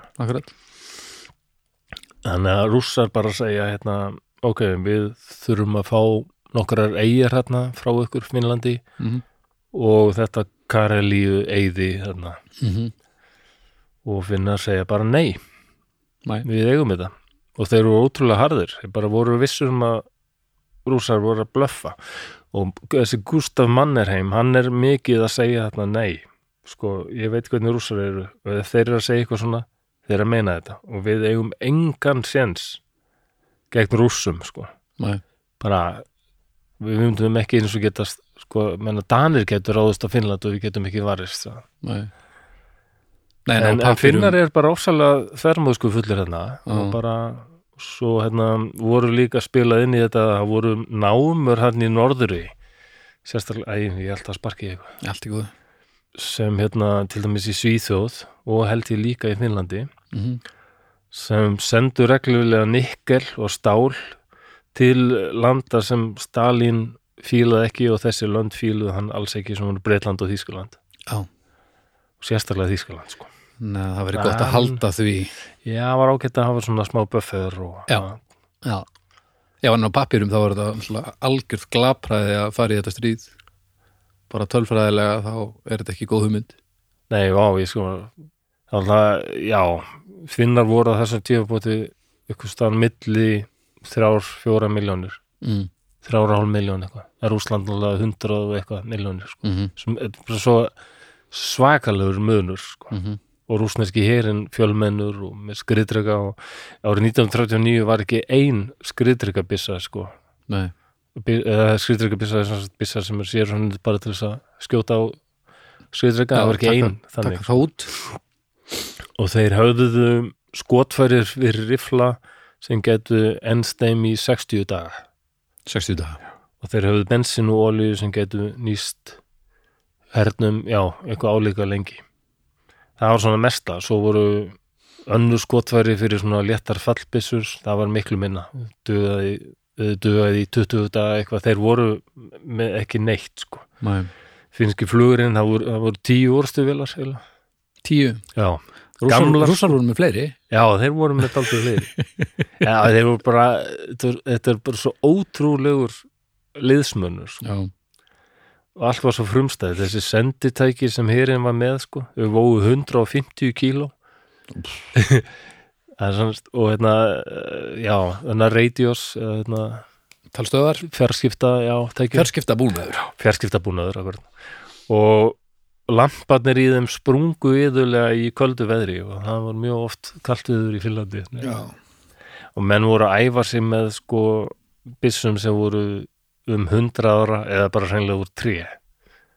Já, en finnski herin var alls ekki stakk búin til svo mannirheim var alltaf að benda á það.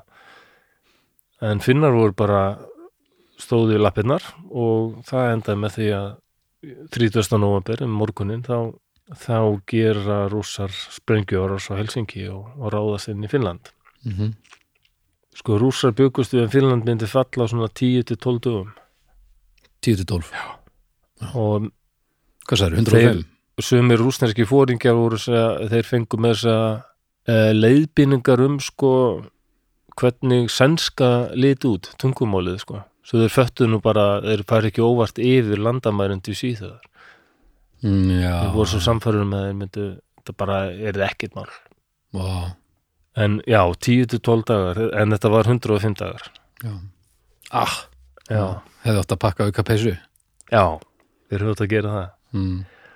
þessi kom inn á það náður Stalin hafði drepið alla yfir menn og þessi kommissarar þeir réðu öllu og fylgdist með öllu. Það var svona svona pólitískir útsendarar kommunistaflokksins sem voru í hernum og fylgdist með því að allir hermenn bara segðu og gerðu það sem verður rétt sko. Já, og já. var gaggrina kommunismann eða eitthvað þá bara og það var allt svo sveifasend ba batteri Já, og herin bara eins og við komum inn á áðan alveg hryllilega undirbúin, engir hvítir felulitir, margir hermenn þetta frá Úkrænu sem bara kun, aldrei verið í svona skólendi, hvað þá svona köldu skólendi áður. Næni já, já, eins og þessi blessaði rúsneski hermaður þarna sem var ennþá með skóna fyrir frúna sína. Já, nokkulega Já, í, í ynganginu myndist ég á þess að súa mig velbisa, ég kannski mér langa að minnast að það því að það eru einhverjir stríðsnöttarar að hlusta á okkur kannski. Mm og þessi fræga rústneska velbisa sem er með svona ring undir niðri yfir síðana.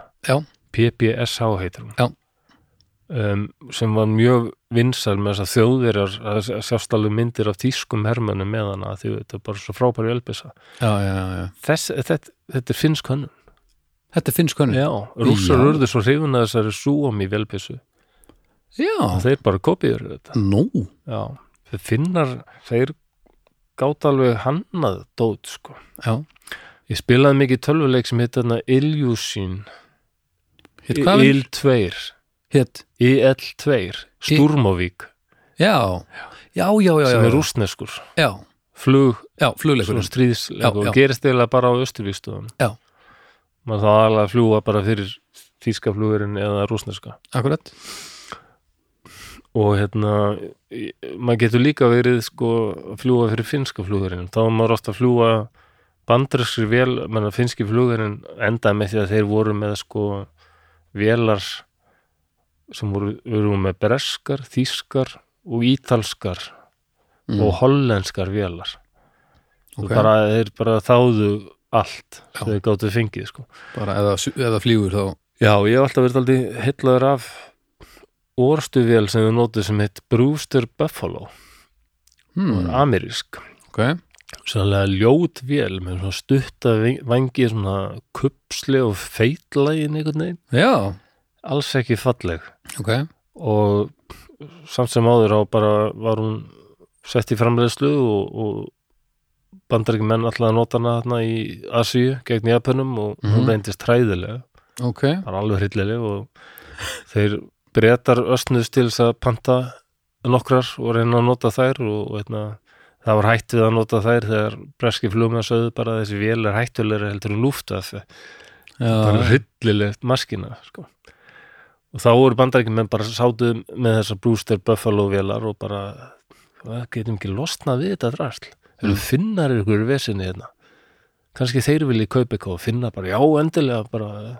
Þannig að þeir fengu Brewster Buffalo vélar á spott, niðurgreitu spott prís herðu og þessi ljóta vél kemur til Finnlands. Hentar vel þar fekk hún viðurnafnið eitthvað Tyloviolet uh, Dalloviolet eitthvað svo leiðis, ég maður ekki. Ok. ég er bara eitthvað að reyna að búa til eitthvað finnst orð ég man, Já. ég man allavega hvað það þýðir. Perla heiminsins Perla heiminsins Já. Æ, hún fekk allavega viðkenninguna sem hann átti mögulega að skilda. Já, þarna nautum sín rosalega. Er það Það er svona og, lítil, lítil um sig gott í frostinu eða? já, það er eins og hún hafði bara hentað miklu betur í köldu loslæðis Já, já og finnar líka tvíkuðan eitthvað til löguðan, hmm. gerði hana betri sko, hún, þeir alveg skutuð niður fílík ógreini af rúsneskum flugvélum með Já. Já, já, þetta var bara svona stríðsnöttara dæmi Já, þetta gladdi, gladdi margan Já, ég held það. En þetta er merkileg stríð líka út af því að þetta sýnir þjóður að fylgjast með þessu og bara þetta er oft talið, ja, það er ekki talið, það er bara alveg vitað að Hitler bara sá Menna, rúss, þessi rauði hér er bara drastl já, þetta finnar sem bara höfðu valla skotfæri Hmm. bara ekki neitt, enga skriðdreka eða valla skriðdreka byssu gátu valdið svona rosalegum skada og haldið úti svona lengi. Mm, gegn ofurefli liðs. Já. Það er augljóst að við, við völdum yfir það rússar hafa bara tölurnar en, en ekki, ekki þekkinguna og, og agan.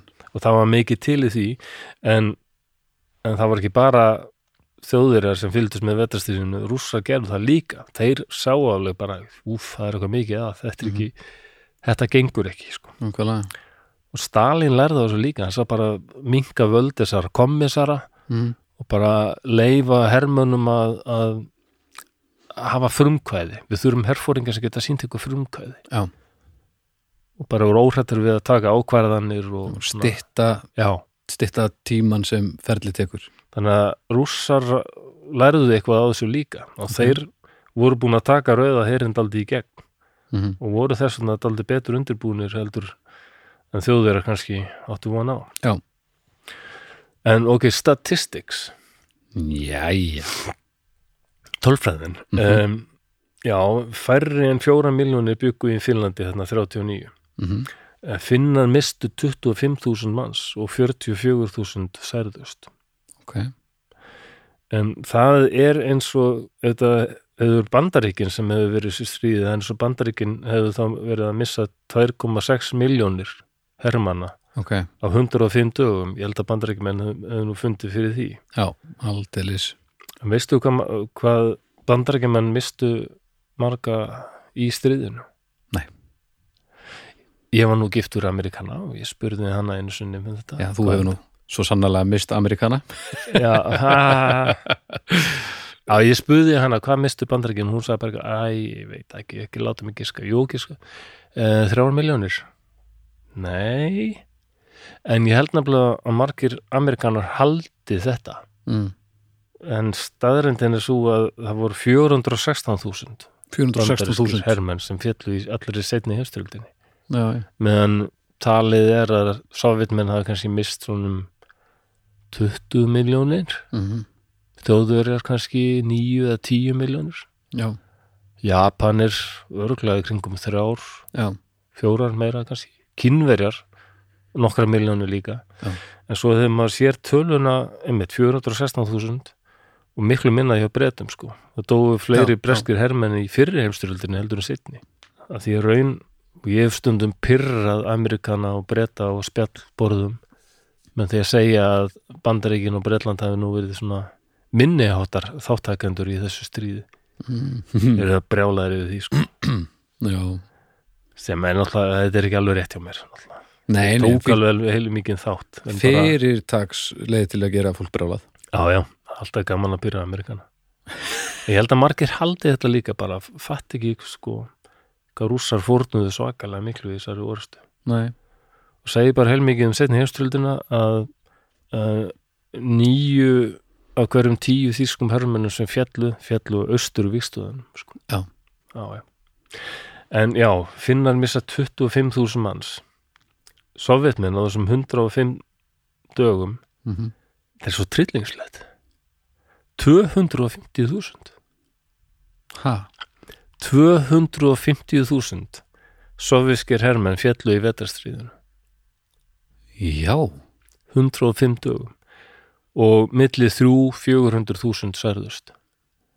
Ha, ja, þetta er, þetta er, það er ekki skrítið þjóður að bara horta á þetta og bara séð bara þessi rauði hér er drastl já, ég meina þetta er, þetta er bara byssufóður, greinlega já og það, það eru sögur af finskum hermönum sem bara sem öskruð bara ég get þetta ekki meir bara, þeir voru bara orðið svo þreyttir að halda stöðut um gikkin mm. og drepa og drepa og drepa og drepa sko. já, já, og bara komu bara hermenn hlaupandi og voru bara sallaði niður sko. vá voru bara sendir áfram áfram svona ykkur svona svona öldur af já, svona mann, manngerðar bylgjur sem bara komu hlaupandi og áttu að reyna svona með fjöldanum að reyna að komast já, hvað ég er að reyna að finna eitthvað orðið yfir hérna. Já, no, brjótast inn fyrir línuna bara. Já, þannig að finnar ekki undan að drepa sko. þetta er alveg hryllilega lýsingar sko. djúvill er það nöttulega ákvörun Já, en það var allt þarna, þeir, þessi kommissar höfðu ekki undan að drepa herrmenn sem neituðu bara neituðu að fara í þetta og bara, og bara snéru við. Sáu félaga sína vera að drita það niður hérna og, og eitt sovjaskur herfóningi sagði að þegar hann leit á landakortið og sá þetta landsvæði sem þeir höfðu fengið að finnum í lokstrísir sagði já, þetta dugar rétt svo til þess að grafa alla þá sem við höfum mist þetta er, þetta er, er trillingslega tölur. Já, Sovjet, Sovjetmenn hefðu nú haft gott að setja einhvern í innri markasetningu ég held að og það er í þessari bókans trottir það er uh, langa lýsingar á bara hvað þetta var allt sveifa seint og mm. hvað allir voru hrættir við að taka, taka ákvarðanir Já, og hérna herfóringar sem tóku ákvarðanir og reyndu að gera ykkur árás og að mistóst þeir eru bara kallaði fyrir rétt og skotnir og já, bara nákvæmlega Það er kannski aðalega það að ef þú tekur sinsinu að taka ákvörun þá Já. eru bara freka góða líkur að þú verið dreppin já, nákvæmlega, það var bara þannig Það er einhvern veginn ekki svona klappi á bakið sem að Nei, það maður þóraði þarf, ekki að gera neitt. Nei, og sem var nú gegnum gangandi þema í kringum Stalin að, allt til döðadags hann virðist eitthvað að hafa pinguliti að hafa lært af þessu. Mm. Já, finnar tóku um 5.000 fangar sem þeir sendu síðan. Var, þeir eru tekið um sko stríðsfanga. Mm. og þeir voru allir sendir heim. Já, og hann telur að þessi trottir hann að sakfræðingurinn að flestir telja að þeir hafi allir verið teknir af lífi. Já, já, það og líka þessir sem voru teknir af þjóðverum þessir fáir sem náðu að snúa tilbaka mm. þeim var ekki tekið vel Nei. og það var, æ, þetta er svo nöttulegt og kalt Já, það er ekki ekki mikill stuðningur heima við sko. Nei, það er eitthvað fór lítið fyrir því Við myndum kalla þetta lélegt bakland Já, en endanum undir, svo voru þjóð rússar aðeins búin að læra þetta mm. og þeir að, að lokum bara náðu þeir að klára að finna, finna voru bara búin með öll skotfæri og, Já, já, og þeir hefðu vonast eftir að fá hjálp frá breytum og fleiri þjóðum en það var eitthvað erfitt að koma því við, það voru samt alveg nokkur sjálfbáðaliðar sem já, svo margir svíjar sem gengur til liðs við, finna sko. Og, og, og danir og, norðmenn sko. Já. kannski að það er ein norsk stríðsmið sem heitir Max Manus. Hefur þú séð hana? Nei. Hún er um hérna frægasta anspyrnumann norðmanna sem hérna var að sprengja upp skip og, og skjóta þjóðeira já. á stríðsárun ok en hann byrjar á því að hann er að berjast í Finnlandi sko. hann bauði sér fram til að berjast gegn, gegn, gegn tómunustunum sko. stuðið Já. finna þá er ég sem að koma að hérna Íslandi Já, Íslandingu voru bara búið sig undir að fara að halda upp á fyrsta DS hátíðahöldin sem var þá alveg þetta er náttúrulega fyrir 1944 17. júni er ekkert þetta var bara fyrsti DS var, var dagurinn sko. það var bara fullveldis dagurinn okkar sko. Það allir að að búið sig undir að halda upp á 21 ás fullveldi uh fyrsta DS 39 og þá komur þess að fréttir að Sovjetríkin sem búin að ráðast að finna og það var bara öllum fyrsta DS hátíðahöldum aflýst. Já, nema hérna alveg bara nema það var einn ákveðin hópur sem þrjóskast við og ætlaði að halda rosalega skemmtun, það voru sósialistar aha, já, en löggan bara tók fyrir það, tók fyrir það því að þeir vissu að þeir myndi, það myndi bara enda með fjöldarslagsmálum já, sko. smá vesen. Já, íslenski sósialistar voru ekkert að baka sér marga vini þarna því eiginlega allir íslendingar uh, höfðu samúð með finnum. Mm. nema sósialistar og kommunistar þeir tóku harða afstöðu með sovjetmennum Mm og skemmdu dálítið mikið fyrir sér svona, held ég. Já, mennar. Já, og hérna, fyrsta DS hátíðahöldin breytast bara í samstöðu göngu. Sem eitthvað félag stúdenta ákveði bara að vera samstöðu ganga til stuðnis finnum og, og sem mun enda við hús finska aðalræðismansin sem var þá þessum þessum nú er hafnarhúsið held ég. Já. er ekki tryggvagata? Já. Jú, jú, þeir átt alveg vona að yrði ykkur þáttaka en sko enn þann dag í dag þá er þetta líklega einn fjölmennasti mótmálafundur í sögu borgarinnar ef ekki landsins.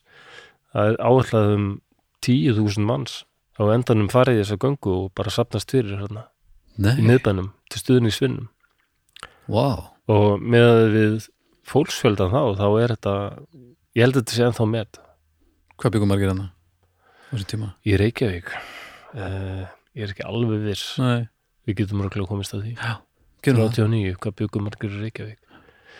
Getur nú, það nú allar verið nema nei, ég þór ekki ekki Nei, nei, við flettum þessu bara, Já, já. það er mun ábyrgara. Það er þáldið fyndið að fara tímar.is og lesa þjóðviljan og þessum, því að öllum blöðum hafa bara Sovjetríkin ráðast með offorsi gegn litla Finnlandi nema þjóðviljan þá það er bara hérna Ó, finskir kommunistar finska alþýðan beður Sovjetríkin um hjálp. Og hérna sovjíski Vá. alþýðu herin hefur ákveðið að senda hersveitir yfir landamærin til stuðnings alþýðunni gegn finsku fasistunum.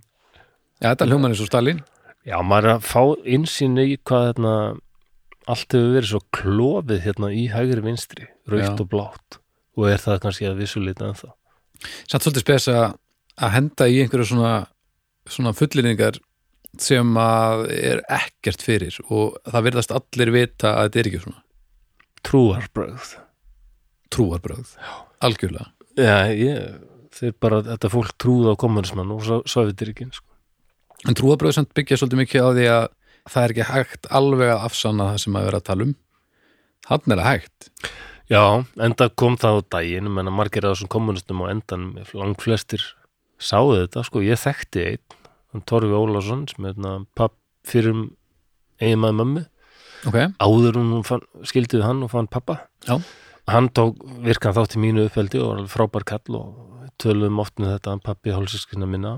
Mm og eitna, reyndist mér rosalega vel bara líka eftir að pappi dó þegar ég var áttara Torfi var alveg frábær kall.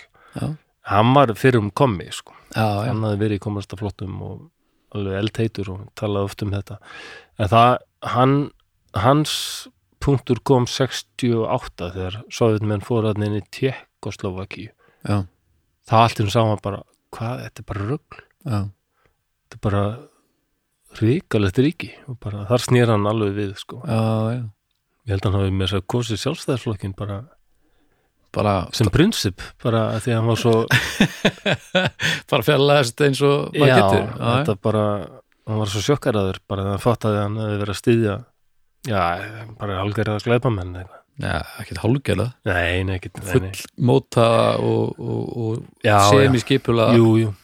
Já, já, það finnst að lesa þjóðvila. En, en Íslendingar eru rosalega viðbröð, fólk bara hérna, sapnast þarna í miðbænum og fólk er að senda ljóð í blöðin og skrifa greinar. mm. Mér langaði að lesa hérna ljóð sem ég fann eftir Guðrúnu Jóhannsdóttur frá Brautarholti ok sem sendi ljóð í blöðin sem er svona Þjóðin finska á bót í böli nauða, byrtu þá sem lýsir gegnum dauða, trú á Guð og tröst á eigin mætti, táp og þrek í hverjum æðaslætti. Finska þjóð sem átti vök að verjast, í varnarstöðu neitt til þess að berjast, heitt skal byðja í kærleik kristins anda, kraftaverk má leys úr þínum vanda.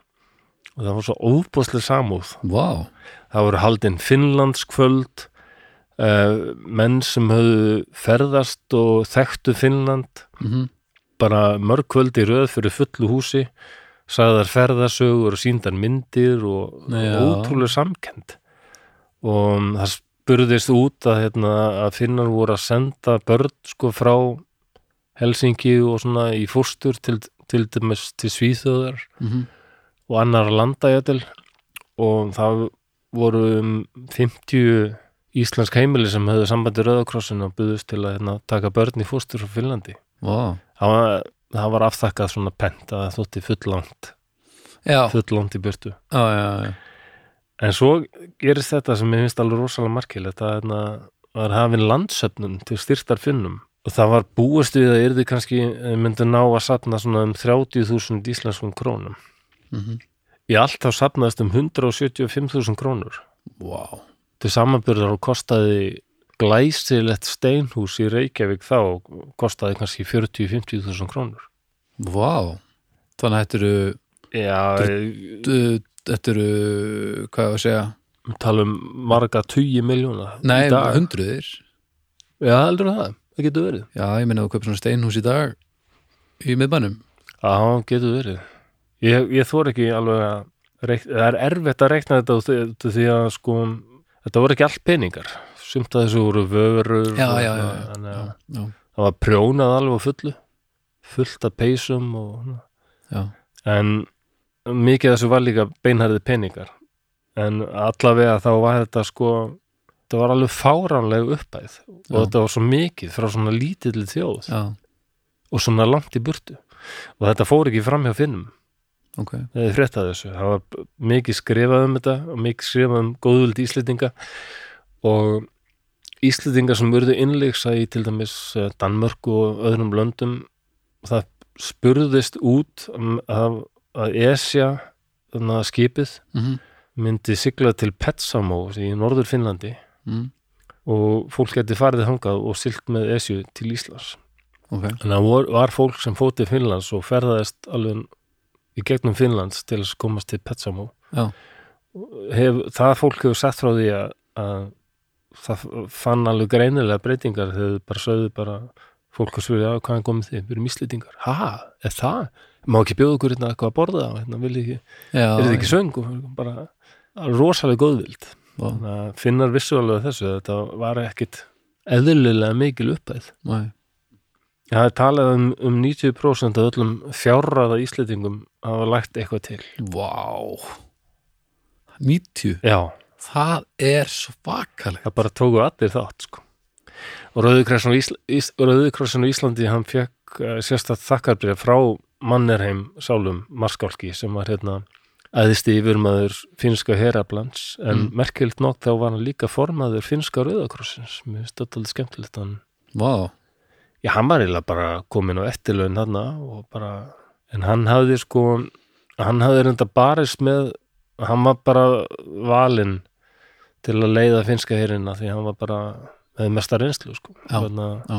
og hann hafði verið í rúsneska hernum, þekkti rúsa ágætlega og hafði barist með rúsneska hernum gett Japanum, þannig að 1905, já, þannig að og hann er úrlega orðin alveg vel gamall þegar, þetta er. Smá hundun í honum Já, en á YouTube þá er dálítið vinsal videoklippa þar sem enna er heitir eitthvað Hitlers Normal Voice Ó, nei en það er svo mikið af ræð sko, allir þessi ímynd sem við höfum með Hitler þá er alltaf svona dálítið svona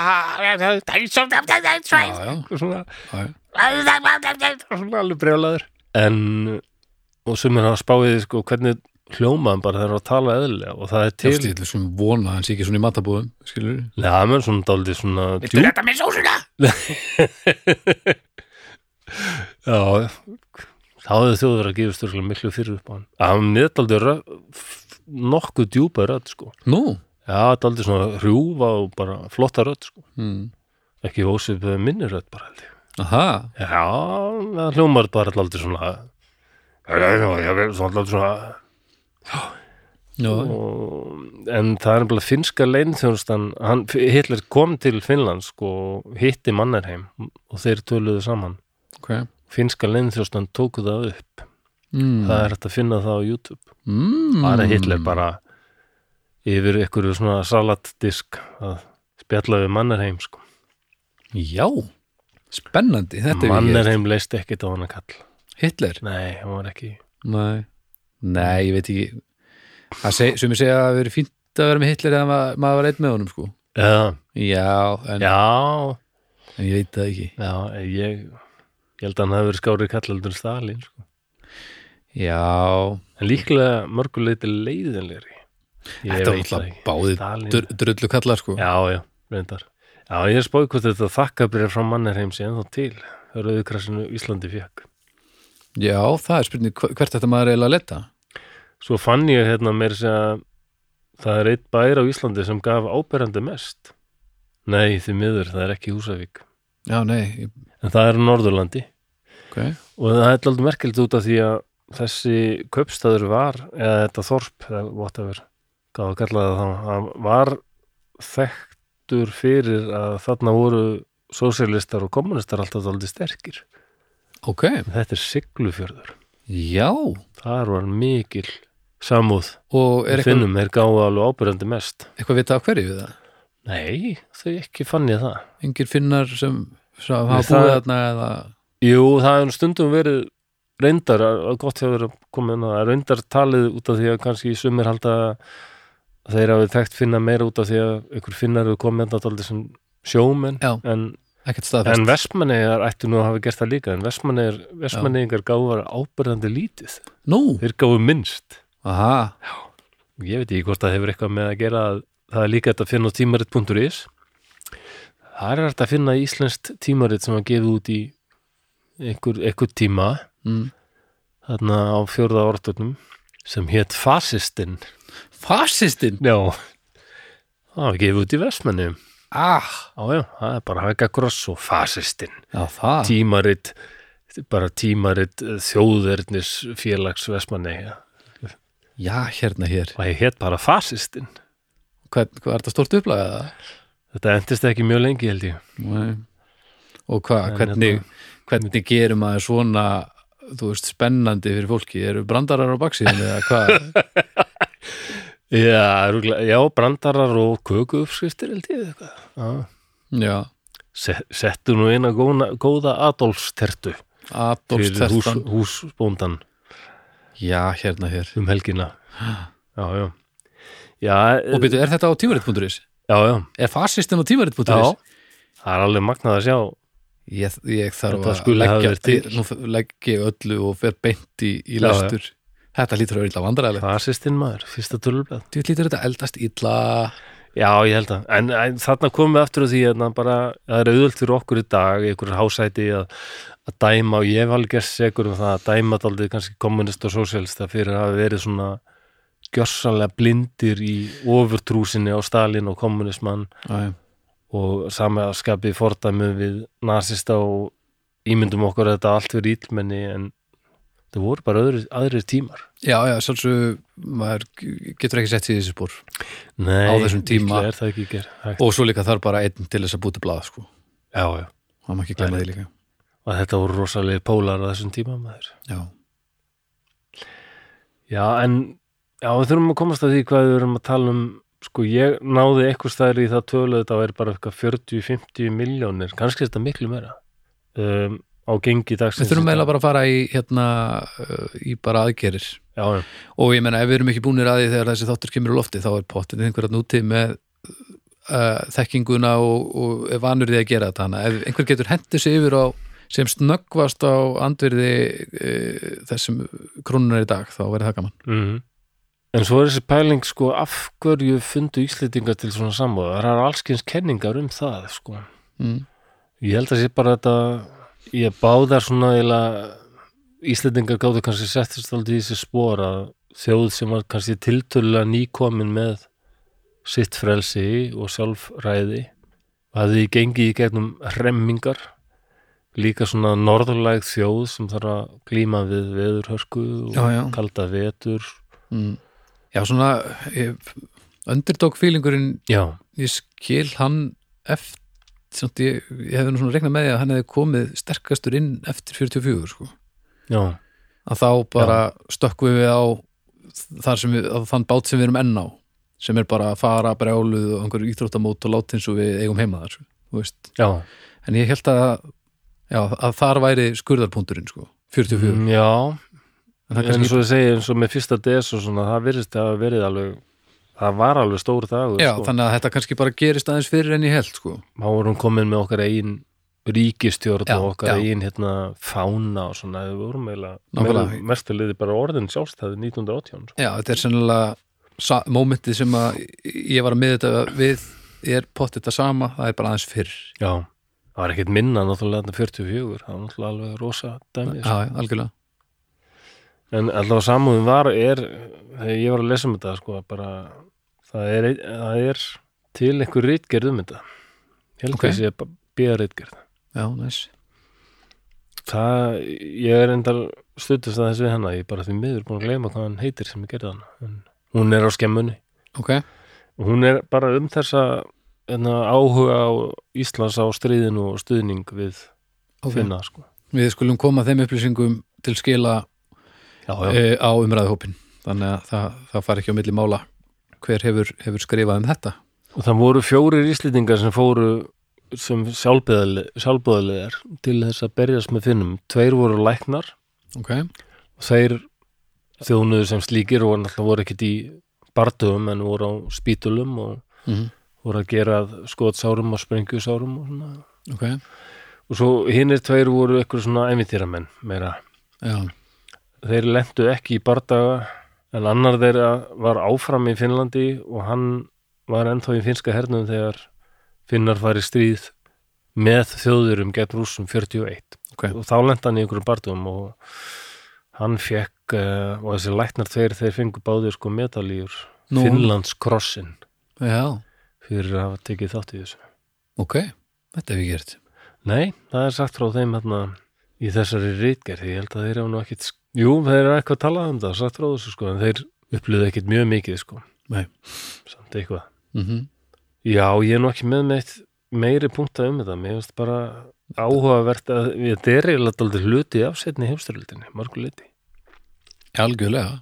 Ég meina Þetta, þetta herðir, herðir Sovjetríkin og, og pumpar aðeins upp mikilmennskuna í næstum Já, talandi um þess að setni heimstyrlildi, það er nú sumir sem vilja meina að hún hafi kannski hafist fyrr bara í Asíu þegar Japanir færi stríðgitt kynveri já, já, já, það var nú ljótt tókiðið maður. Já, það var mjög anstíkilegt Japanir beði, já, nú eftir mann eftir að taka þá fyrir. Já, já, já, já, það er nú ekki allt alveg bara, bara fimmur og, og, Nei. og gleði ég man þegar þú varst að fara til Japan, þá varstu eftir mann að þú varst að hvetja mig til að koma með minni mig, minni það?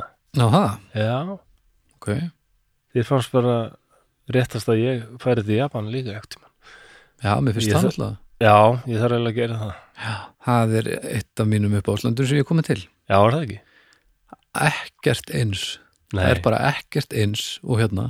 Og sumt er betra og sumt ekki. Já, og þetta er svo skrítið.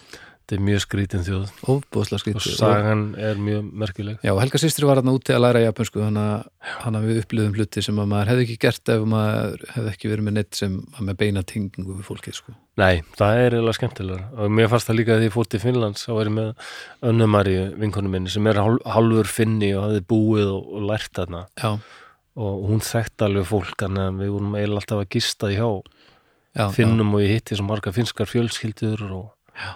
það var æðislegt, fórum að til finska skerjagarðin og vorum þar og Sveitabæ og... já, já, já. já, ég hef bara verið í Finnlandi ég mitt bara með finnum sko. Já, mér líður alltaf vel hann Ég hef aldrei farið þangað í öðru sammengi en að spila. Ég verð að gera það. Já, Ég er svo það er- marga vinni þannig að um leið og þegar og ef það má þá verður maður að drulla sér án þess að maður sé að taka einhverju sensa og, og, og eða smá tíma þarna og ég var hérna mér náði að fara á Mannerheim safnið og ég heitlaði leiðsögumannin. Mm. það var enginn á þessu safnið ég kom hana og ég fekk bara leiðsögumæðurinn það var bara, bara enga túr. bara mjög falleg finnsk stúlka. Mm. já og hérna hún sagði mér til dæmis uh, herbergi Mannerheims marskálks Mm. og sagði prófa að labba inn. Finnur ekki að það er kaldaræðin inni Mm. Jó, það bara ansi kalt inn í þessu herbyggi. Já, það er, hann vildi hafa það þannig. Alltaf, og það var aldrei bara eins og tjald, bara svona hermannatjald. Hann svað bara okkur svona, frekar svona hörðu rúmi og þetta var allt svona eins og hann væri bara ennþá bara ok, á svæðinu, sko. pínu pós Já, já, hann vildi alltaf hafa kalt, sko. Það mátti ekki vera of þægilegt. Það var svona rosa Póser. típa. Já, það hann ég segi það var rosa típa, sko. þessi gaur. já, þetta- og svo var hérna velpissa og ég segi, nei, er þetta alvöru svomi velpissa? Hún alveg horfið á mig bara, þú ert fyrsti maðurinn sem kemur þetta satt sem segir þetta. í alveg Það halda allir þetta þessi PPSH, rúsnesk já, velpissa. já. En þú veist, þetta er finnsk velpissa. Já, já, já, svomi velpissan er fræg, sagði ég. Það er bara ekki allir sem vita það. Og ég get svarið það, það fannst þér allt í einu bara, já, mér varst allt í einu svo ég væri bara nála því að komast á sjens þarna út af því að ég þekkti finnska velpissu. Það hefði verið engin lítið. já, já. já, já, En svo, ég, svo skíðaborg náttúrulega hrundi ég átti að með því þessi kona var örgulega 30 árum yngri en ég þannig Já, eins og lang flestir Hættu þessu. Já, já. Alveg, Alltaf það maður að þóla þetta. Já, ég þið eru að næra fæðast svona snemma. Já, já. Allt með maður að kenna. Þetta var, þetta var svakalegt. Já, ég er ekki með fleiri punkta Mér bara, Nei, ég, ég hef ekki hugmyndu hvað er búin að tala lengi en það er okkur tveir tímar eða eitthvað. Já, þetta var lengri en ég átti vona á. Já, þetta, þetta var líka gríðalega áhugavert. Já, mér finnst þetta spennandi og bara Finnland ég, ég, Ég vissi ekkert um þessa, þessa íslensku þennan íslenska legg, þennan stuðningslegg. Nei, ég held að þessi tóldi glemt Já. og hérna, Andri vinur minn sem er finni uh, ég, ég fór að segja hún frá þessu, hann var alveg bara Vikströmmin Já, Já, hann kom, á, Wikström minn, hann kom á tónleika hjá okkur. Já hann er mikill Síðustu ham og skálmaldar að Já. það einmitt. Gintist hún bara út af því að Ari Eldjórn hafði samband við okkur hamara. Já, og, og sagði að það er að koma hérna finsku grínari og hann, hann langar svo til að bjóða ykkur hann er búin að vera aðlandi ham síðan bara 90 eitthvað þegar hann já. fann einhverja plötu í New York og stóð bara ham og eitthvað rosalegt cover sko. mm. hann bara, wow, hvað er þetta og hérna, ég held að hún maður sagt að þetta var eitthvað belgisk rockljósit en hann þekkti alveg tungumálið eða sá bara Æsland Reykjavík wow. Ísland og hann bara mikil og hann notaði lengi hérna stefið úr heimamenn af hérna svikarmur og döiði sem hérna ingangsstef fyrir hérna aktið sitt sko. það er fyrirtaksinngangsstef Ingangsstef hann er mjög skemmtilegu maður Já, fyrir ekki að ég tók fram í fyrir þér nei, nei, ekkert nál hvað var hann að segja þig? Andri, Já. nei, bara hann, hann hún varst þetta mjög merkilegt Já, að bæði að heyra um þessa sögu ástu uh, hún fast þessi bók ættilega að vera til á finsku já. Um íslensku konuna sem endaði, fór frá Flatey Mm.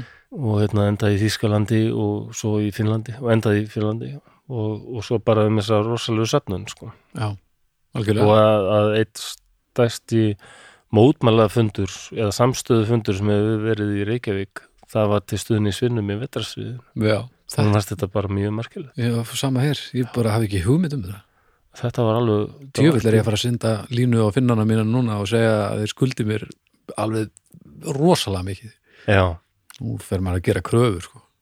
já, ég maður þetta að koma sér í sambandi við ykkur finskar sakfræðingu og vita hvað, hvort þeir vita eitthvað um þetta Já, hvort það sé eitthvað til um þetta að núti þetta náttúrulega vissulega, það var kannski aðeins svona, já, aðra hluti að, tala um en, en hvort að þeir séu spurning- með eitthvað dímariti.fi eitthvað. já.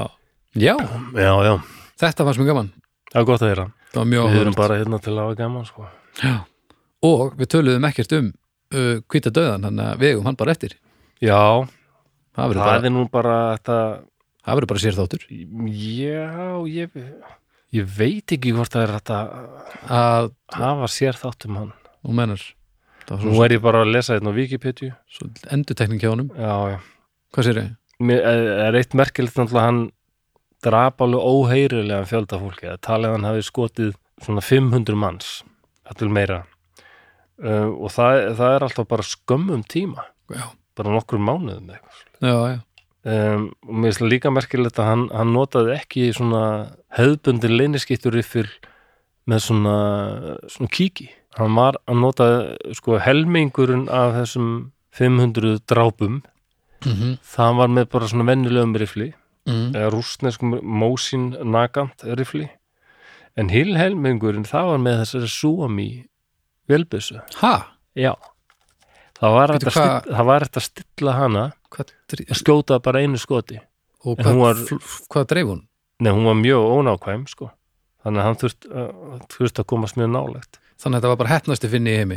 Í, hann var mjög góður góðleginni skitta og hann var náttúrulega alveg rosaleg skitta það, það er allar lýsingar honum með þannig að hann var alveg svakaleg skitta já, hann vildi ekki nota svona kíki út af því að þá þurft hann að lifta höfðinu hærra en vanalega. Mm.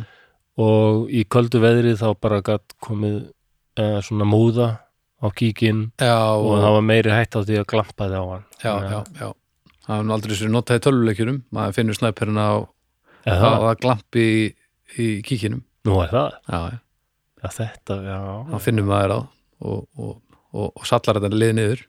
Ó- óhugnarlegt þetta, þessi snæperar. Já, en, en, en ég veit ekki hvort ekki þetta verið heill þáttur um síma því hann, ég myndi ekki segja hann hafi verið leiðinlegur en hann var sjálfur bara mjög óframfærin og var ekkert mikið að það er ekkert mikið annað að segja af honum annað en það að hann var æðisli skýta og drap fullt af rúsum og að vissu leiti þá bara eins og ég hef búin að lýsa rúsum hérna mm þeir voru gjörsanlega út á þekju þarna. Já, og þeir voru allir klættir ykkur að brúna búninga já, það var kannski ekki það erfiðast í heimi. Næ eins en og ég meina, hann var, samt rosalega langefstur. Já, já, hann er að- það er engin engin snæper, hvað- já, leyniskitta í sögunni, sko, sem er Nei. skotið í að marga, sko. Nei. en þeir voru daldið svona sitting ducks, kannski. Já, Oft, já, oftar en ekki, sko, greiði Já. karlarnir. Já, já, já, en annars er ekki mikið á hann, hérna hann, það er alveg löng Wikipedia síða um hann og hann, hérna það er rosalega mynd á hann með þess að annað handlitið að, sko, hluti á andlitanum lít, lítur, lítur út eins og það sé bara bráðuna já, af því að hann, hann slasaðist mikið þarna og rússir sem náði að skjóta hann í andlitið. Já, ok. Og þeir held að hann verið dáin sko, hún var bara hent hann í einhvern hóp af líkum sem átti síðan að svo bara fyrir algjöra tilvíðuna og bara tók ekkur eftir því að vera eitthvað reyfing hann æ, herruðu hvað er, bara kiftist einhver fótur þarna til? Og þeir bara herruðu, alltaf, hvað er að gerast? Er hann á lífi? Já, hann er á lífi. Anskotin en hann þurfti já, hann þurfti að fara í rosalega aðgerðir sem var annar hluti andlitsins eiginlega bara alveg farin af sko. já, helvítis þessan Já, og þetta er náttúrulega klikkað að vera leyniskitt á þessum tíma að vera kannski, hann sat vist frekar en lá, já, sat ofta en sitja kyrr í mínus 40 gráðum sko.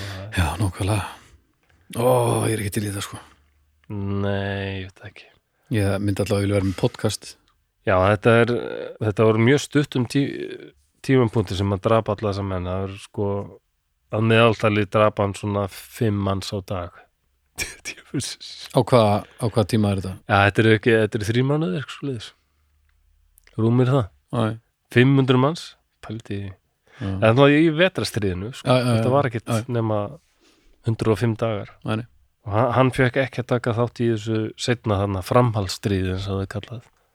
Og verð maður bara. Já, nei, hann var bara svo, hann hafði slasað svo illa og búið að skjó, sjóta á hann um all andliti þannig að þeir já, já, vildi já, ekki lefa honum að vera með. Nei, það er nú hann En já, það voru nokkri búin að byggja um að heyra eitthvað um Sím og Hæ-Ha mhm Ég veit ekki hvort hann er efni heilan þátt en það er ágætt að þú myndist á hann Já, já, við erum allavega búin að gera honum Já. lámarkskil og svo sendið þið bara hatturspostana á okkur. Já, og nú erum við búin að bladra alveg svakalega mikið Já, ég er alveg að pissa í buxurnar. Ó nei, ok, þá bara ætla það- ég að þakka fyrir mig Já, það var bara takk fyrir þetta. Þetta var ógæslega skemmtilegt. já, mínur ánæði Eh, við ætlum að taka eldsnögga uh, Yfirferð. í, í spreng yfirferð uh, á hlugkirkjunni. Mánudagar, dómstæðar, þriðudagar, kokkaflakki, eirun, miðgudagar, drauga, fortíðar, fymtaðar, snæpitalar við fólk, föstudagar, bestaplatan. yes. Eitthvað sem þú vill lauma Nei, nei, bara endilega takið þátt á umræðu hópnum og Umræðupurinn, algjörlega. Það er mjög gaman, mér finnst hann alveg frábær. Hann margir sem er að senda skilabúð og þakka fyrir persónulega, ég sagði eftir mann Íslendingar kynni ekki að það, rósa það Já. er bara kæftað, ég Það verð að kjaftaði. taka þetta allt ég þetta allt ofan í mig, Það það er líklega bara mín uh, krumpaða kynsluð sem er þannig en Mm það hefur greinilega lagast mikið. Já, það hefur greinilega lagast þannig mikið. bara annars verðið mættur að viku liðinni með eitthvað annað áhugavert. Það lýst mér mjög vel. Henni, heyrjumst þetta viku. all right Bye. bye